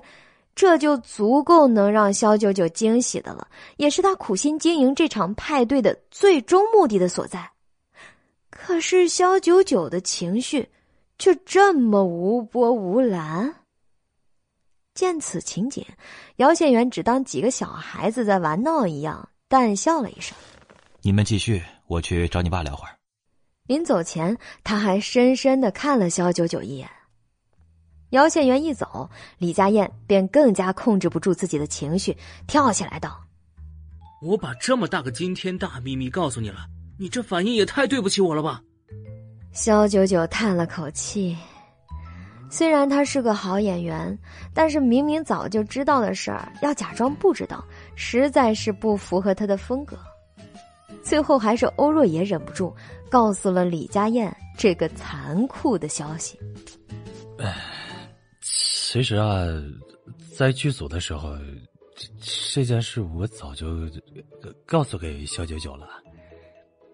我们现在不仅是一起飙车的好兄弟，还是一个剧组的同事，更是啊一起打排位的好搭档呢。李佳燕扶着胸口倒退了几步，有些腿软。他满以为自己和肖九九的关系才是最近的。毕竟阿宇大神身上那股冷冽、生人勿近的气息，就决定了肖九九是他不可能得到的女孩子。结果这一段时间不见，他们竟然就就这么亲近了。刚刚被社会现实毒打完的李佳燕，就像个孩子，恍惚中半天都没回过神来，最后撇撇嘴，一副欲哭无泪的样子。我感觉，我好不容易练了个号，各种砸钱买极品装备，眼看要升满级全服第一了，结果整个号都被我师傅给盗了。欧若野终于忍不住爆笑出声，萧九九也是忍俊不禁的，因为李佳燕的样子实在是太无辜了。好了，时间不早了，我也差不多要回去了。阿燕，祝你生日快乐！我给你准备了一份礼物。肖九九记挂方才的事情，想早些回去，但毕竟是李佳燕的生日派对，所以他也不是空手而来的。只见他把一串钥匙递给了李佳燕。这是什么东西啊？李佳燕下意识的接过来，不明所以的歪着头看了半天。这是铂金还是钻石打造的，或者是哪位顶级匠人的手作？可是看着都不太像的样子啊。这玩意儿呢，是 BZ 方程式俱乐部的钻石会员储物柜的钥匙。肖九九邪似的勾唇一笑，眉眼间都是狡黠。我帮你报了 BZ 俱乐部，从今天起，你就是他们的钻石会员了，享受各种尊贵的待遇。当然，也能在通过学习和考核以后，正式以选手的身份参加每个季度的常规赛。李佳燕眨巴了几下眼睛之后。才嗷的一声叫出了声来，BZ 俱乐部，你说的是那个超级难进的俱乐部吗？这个 BZ 在玩车的圈子里，人人都知道是最顶级的俱乐部，招收会员，进行一对一培训和考核，也可以参加季度赛。只是该俱乐部的门槛实在是太高了，有钱也未必能进。主要是他们的入门考核实在是太难、太刁钻了。基本上能通过的就有资格成为专业选手了，更不要说一进去就是钻石会员的待遇，这根本就不是普通有钱就能办到的事儿。欧若野也惊诧了，瞪大了眼睛，不可置信的看着肖九九。这同在一个剧组拍戏，每天看着肖九九忙得飞起，他哪儿来的时间去准备了这么些个麻烦的事情啊？难道是靠着山文的关系？可是以他对肖九九的了解，他应该根本就不屑于做这些事情才对啊。对，就是那个俱乐部，也甭管我是怎么做到的，反正现在钥匙在这儿了。至于会员 ID 和密码，我一会儿发给你，你登录他们的网站自己修改一下。从明天开始，你就可以去报道了。顿了一下，肖九九又道。能进入那个俱乐部的，都不是一般的人物，而且那里算是个职业学校。我想你母亲这次应该不会再反对你了。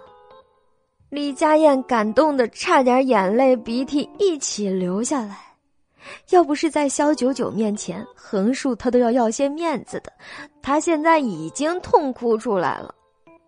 活了这么大，他还是第一次遇到有人这么走心的给他送上生日礼物。虽然他是李家的少爷，也是顾家的旁支，走到哪儿人家都对他恭恭敬敬的，可是他骨子里的叛逆和不羁却根本没人能懂。即便是自己的父母亲，也很少真正的去倾听他的心声。可是萧九九，他却做到了。欧若野也是感叹不已，在旁暗戳戳的对萧九九道。没想到你是这么豪横的女人，我我开始盼望我的生日早点到来了。萧九九用力的翻了个白眼儿。十几分钟后，李佳燕郑重其事的亲自把萧九九送到了车上。顾小婉看着他们走出去的时候，还非常纳闷儿，怎么感觉自家儿子的眼眶红红的，好像哭过了。莫非是偷偷在外面跟人厮混的时候，又被人给揍啦？肖九九一走，李佳燕也无心举办这场生日派对了，而是拿出那串钥匙，反复的赏玩着，一心幻想着要去 BZ 俱乐部上课的情景。肖九九在发动车子之前，手机又收到了 BZ 主管的短信，恭敬的邀请他出席明天新会员的入会庆典。哎。脑壳疼，脑壳疼，他不过是趁着 BZ 内部空虚，收购了一半的股份。他只想做个名誉的股东，但是不想担任任何的实职啊！大家好，我是加菲，依然还是千年。第一百七十九集，婉拒掉了 BZ 高层的邀请后，肖九九才开始给钱无意打电话。可是电话打过去，钱无意却是很长时间都没有接，再打过去，手机竟然直接提示对方已经关机了。肖九九的心蓦然一沉，眉间猛跳，有种不太妙的预感。再联想起方才钱无义在电话里所说的，他顿时暗暗的叫了一声：“不好，老钱危险！”这是他行走人间数百年来，感觉到最为担心的一次。他立刻开车疾驰，无视红绿灯，一路狂奔，冲到了钱无义的住处。然而开门后，看到的却是空荡荡的情景，里面家具全部都用布包裹了起来，空气中弥漫着一股很久没有人打扫的尘土味道。看来，钱无义不在这里居住已经很久了。肖九九的眉心突突的跳得厉害，心跳也跟着加速。他正要打电话给唐宛如，忽然听到身后一个迷茫的声音响了起来：“肖姐姐，是你吗？”这个声音空灵中带着几分稚嫩，确实是唐宛如，没错了。肖九九回过头，看到唐宛如背着个大包，正试探的朝着自己看着。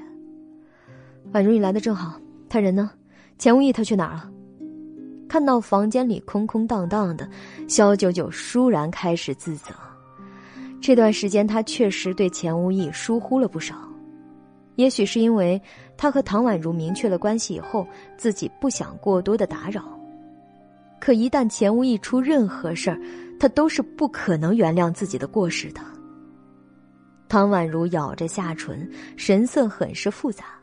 半天才张口道：“我也是来找他的，我从家里跑出来了，以为到这里来就能找到他，可是他人根本不在。”肖九九摇了摇头，以为唐宛如对一切都并不知情。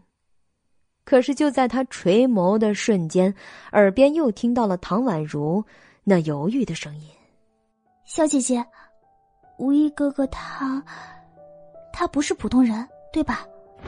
轰的一声，萧九九心里似乎有什么坍塌了。虽然早就想过会有这么一天，但是来的实在是太过突然了。他转过脸，认真严肃的看着唐宛如，一字一句的问道：“你这是什么意思？别紧张，有什么事情你尽管和我说清楚。你只要相信我就好了。”唐宛如还是紧紧的咬着下唇，手开始搓着衣角，眉头死死的拧在了一起，嗓音颤抖着，缓缓的说道：“他昨天忽然来找我，我发现他，他的下巴有一小块破口，可是却没有流血。后来我们在公交站等计程车的时候，他好像很累，就靠在我的肩膀上睡着了。我用手摸了摸他的口子。”发现，那就像是一块胶带，用手轻轻一撕，就露出了底下藏着原本的皮肤。说到这里，唐宛如把头低了下去，激动的捂住脸，泣不成声。其实不管他是什么，我都，我都能接受，只要他真的爱我。可是，可是我无法忍受他对我的欺瞒。从很久以前，我就觉得他与众不同。他明明可以告诉我的，他为什么不说呢？听了唐宛如的话，肖九九明白了。钱无义一定是在试探姚县元的时候施法改变了容貌，只是这个术法在人前露出了破绽。幸亏后来发现伤口的是唐宛如，也幸亏唐宛如内心强大，没有被吓破胆子。做出什么失去理智的事情来，否则后果简直是不堪设想。告诉我，你当时害怕吗？肖九九蹲下来，温柔的搂住了唐宛如。虽然他现在也在担心老钱，但是他必须从唐宛如这里打开突破口，才有可能知道老钱去了哪儿。唐宛如得到了他的抚摸和安慰，情绪也慢慢的平静了下来。虽然他的凡人之身没有任何术法可用，但还是很神奇的，能让人莫名的宽慰和安心。说不害怕那是假的。我当时也试着告诉自己，那可能只是易容化妆的效果，但是我终究还是骗不了自己。唐宛如说着，忽然抬起头来，一双澄澈无辜的眼睛盯着萧九九。小姐姐，你可以告诉我，无意哥哥他还有你，到底是什么吗？我发誓，我会永远保守你们的秘密。唐宛如说着，举起一只手朝天发誓。有些事情终究是说不得，宛如。如果我直接告诉你了，你便是对天道的逾越了。萧九九无奈的摇头。如果是他自己参透也就罢了，可是直接来问的话，无论如何也不能点破钱无义的身份的。我只能告诉你，他并不可怕。相反，他是一个温柔善良、一直想要守护你的存在。而我呢？也只是一个普通的人类，和你是一样的。听到肖九九这样说，唐宛如似懂非懂的点点头，没有再追问下去。怪不得他不愿意告诉我，原来是真的不能说。萧九九这才慢慢的放开了他，问道：“那你现在告诉我，这两天钱无意可有和你联系过，说过什么奇怪的话没有？”比如他人要去哪里之类的，我现在要找他，有很紧急的事情。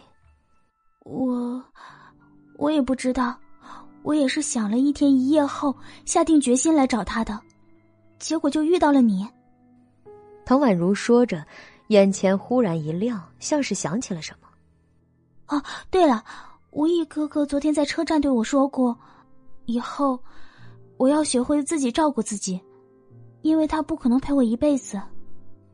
小九九倏然感到心头一沉，钱无意为了唐宛如，原本就打算放弃了一切，甚至是土地神的仙旨，乃至仙籍都在所不惜。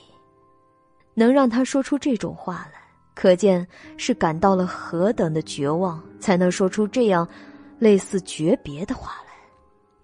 小姐姐，无意哥哥这话是什么意思啊？他是希望我学会照顾自己。还是有什么别的意思啊？我总觉得他不是一两句叮嘱那么简单。萧九九看了看唐宛如，终究还是不忍把真相告诉他。他之前的经历已经足够悲惨了，再把他卷入这样的纷争里来，承受失去挚爱的痛苦，那是多么的令人不忍呐！老钱他，可能是去找亲戚朋友了吧。所以要和你暂时别过一段时间了，他的亲戚朋友你知道的，也都不是普通人，所以怕说出来让你担心。前演播，第一百八十集。不，不会的，如果要暂时离开，他也会跟我说的。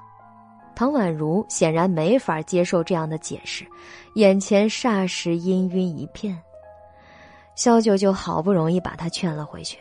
自己独自面对着空空如也的房间，再次打钱无意的电话，却还是关机状态。他忽然就想起了顾金飞让钱无意去做的度假村项目，虽然希望不大，但是眼下倒也值得去看看。有了目标以后，他立刻起身，驱车不到片刻就抵达了顾氏新建设的位于柳城交环的度假村。经过两个月的施工，这里已经打好了地基。即便是深夜里，挖掘机、吊车、水泥车，还有建筑工人们都忙得热火朝天。肖九九向为首的一个工头打听了钱无义，对方却连连摆手称不知道。肖九九只能自己动身，前往工地上临时搭建的办公室。当他几乎不讲道理的挨个敲门看完，才发现钱无义是真的不在这里。最后，他躺在身后的土坡上，完全不管来来往往的工人们异样的目光，也不管自己的形象到底如何。他只仰望着满天的星辰。今晚群星璀璨，但东方隐有乌云遮蔽，且即将蔓延过来。小九九正在看星象的时候，忽然三三两两的工人走过，边擦汗边议论道：“哎呀，这个工期实在是太久了，要干两年呢，过年还不能回家，真是太糟心了。”哎，没事儿，我们去拜一拜土地老爷，让他呀保佑我们施工顺利，工期可以提前完成就好了。哎，你还别说呀，咱们这个土地老爷可真灵啊！哎前一段时间我就拜了一下，我求他保佑我老婆生产顺利，结果还真生了一对白白胖胖的小子。切，瞧你说的，那土地老爷还管你老婆生孩子的事儿，你当是送子观音呢？穿蓝色背心的工人顿时就急眼了。哎，这你就不懂了啊！土地老爷管着一方水土百姓，不管什么事儿啊，只要是在柳城地界以内的，他都能管。真的？那我也赶紧拜拜，让土地老爷赐我一个女朋友。一个年轻的工人调侃的嬉笑道。几个工人走过，肖九九却是一跃而起，紧跟着他们的脚步。很快发现，在这个偌大的度假村工地上，不知何时还真的竖起了一个简单的土地神的石像。工地上的工人怕土地老爷日晒雨淋，还贴心的给石像准备了一个棚子。石像脚下放着各种蔬菜瓜果，还有香烛。显然，这个石像在这里经他们供奉已经有一段时间了。肖九九端详了那个土地神像半天，以神识去看，并未能感受到什么不同。他便拉住正在参拜的一个年轻工人道。请问这个神像是什么时候放在这里的？又是谁立起来的？工人们看到如此年轻漂亮的妹子出现在工地上，一个个眼睛直冒星光。那个年轻工人更是腼腆的脸都红了，结结巴巴的说道：“哎，这我也不知道，我是新来的。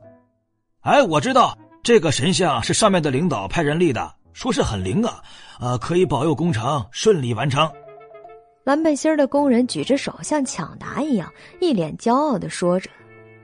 肖九九沉思良久，便对他们道了别。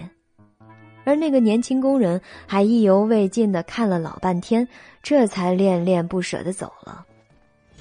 当四周左右无人之后，他才运气凝神，只稍微用力，便一只手把那个石像给提了起来。只见石像底端露出了一个很小很小却非常精致的土地神像，这便是钱无义常年带在身边，用来封印自身灵力的那枚神像。肖九九心中一动，正要把它拿在手里，却见那神像忽的飞了起来，到半空中，便嗖的一下，转眼就消失在了茫茫的夜色中。若是常人，连看都没看清，还以为是什么飞鸟掠过，而萧九九却是毫不犹豫的立即追了上去。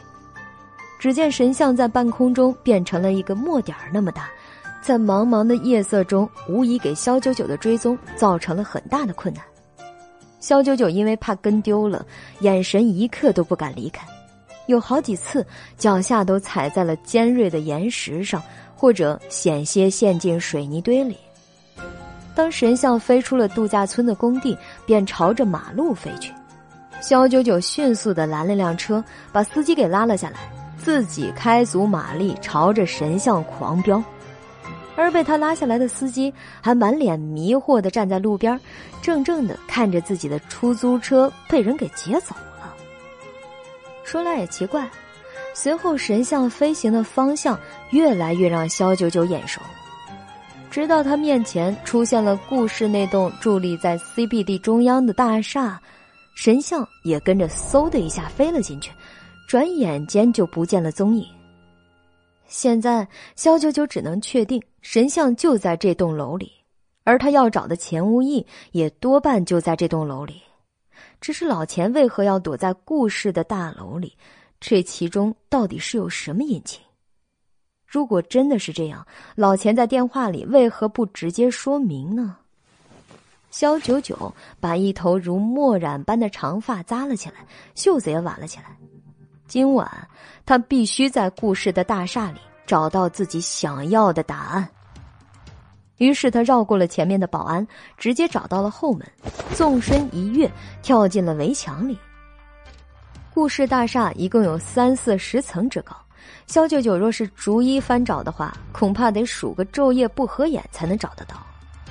而他闭上眼，深吸一口气后，做了一个大胆的决定：去找顾金飞。他知道顾金飞通常会在办公室里加班到深夜。于是，他乘着电梯直接到了总裁办，门口三五个穿黑西装的保镖正在巡逻，看到有人擅闯，本来已经做好了姿势要擒拿他，可是看到他的脸后，一个个吓得不轻。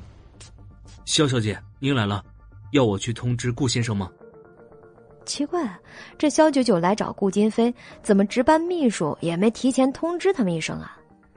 肖九九不想浪费时间，便摆手道：“我跟金飞有要事要办，你们守在门口，谁都不要放进来。”是。保镖们不疑有他，毕竟肖九九这张脸那就是最佳的通行证了。总裁办公室，顾金飞正捏着眉心，低头翻看着季度财报，忽的感到一阵风把大门给掀开。他惊得抬眸，却看见气势汹汹的来者竟然是萧九九。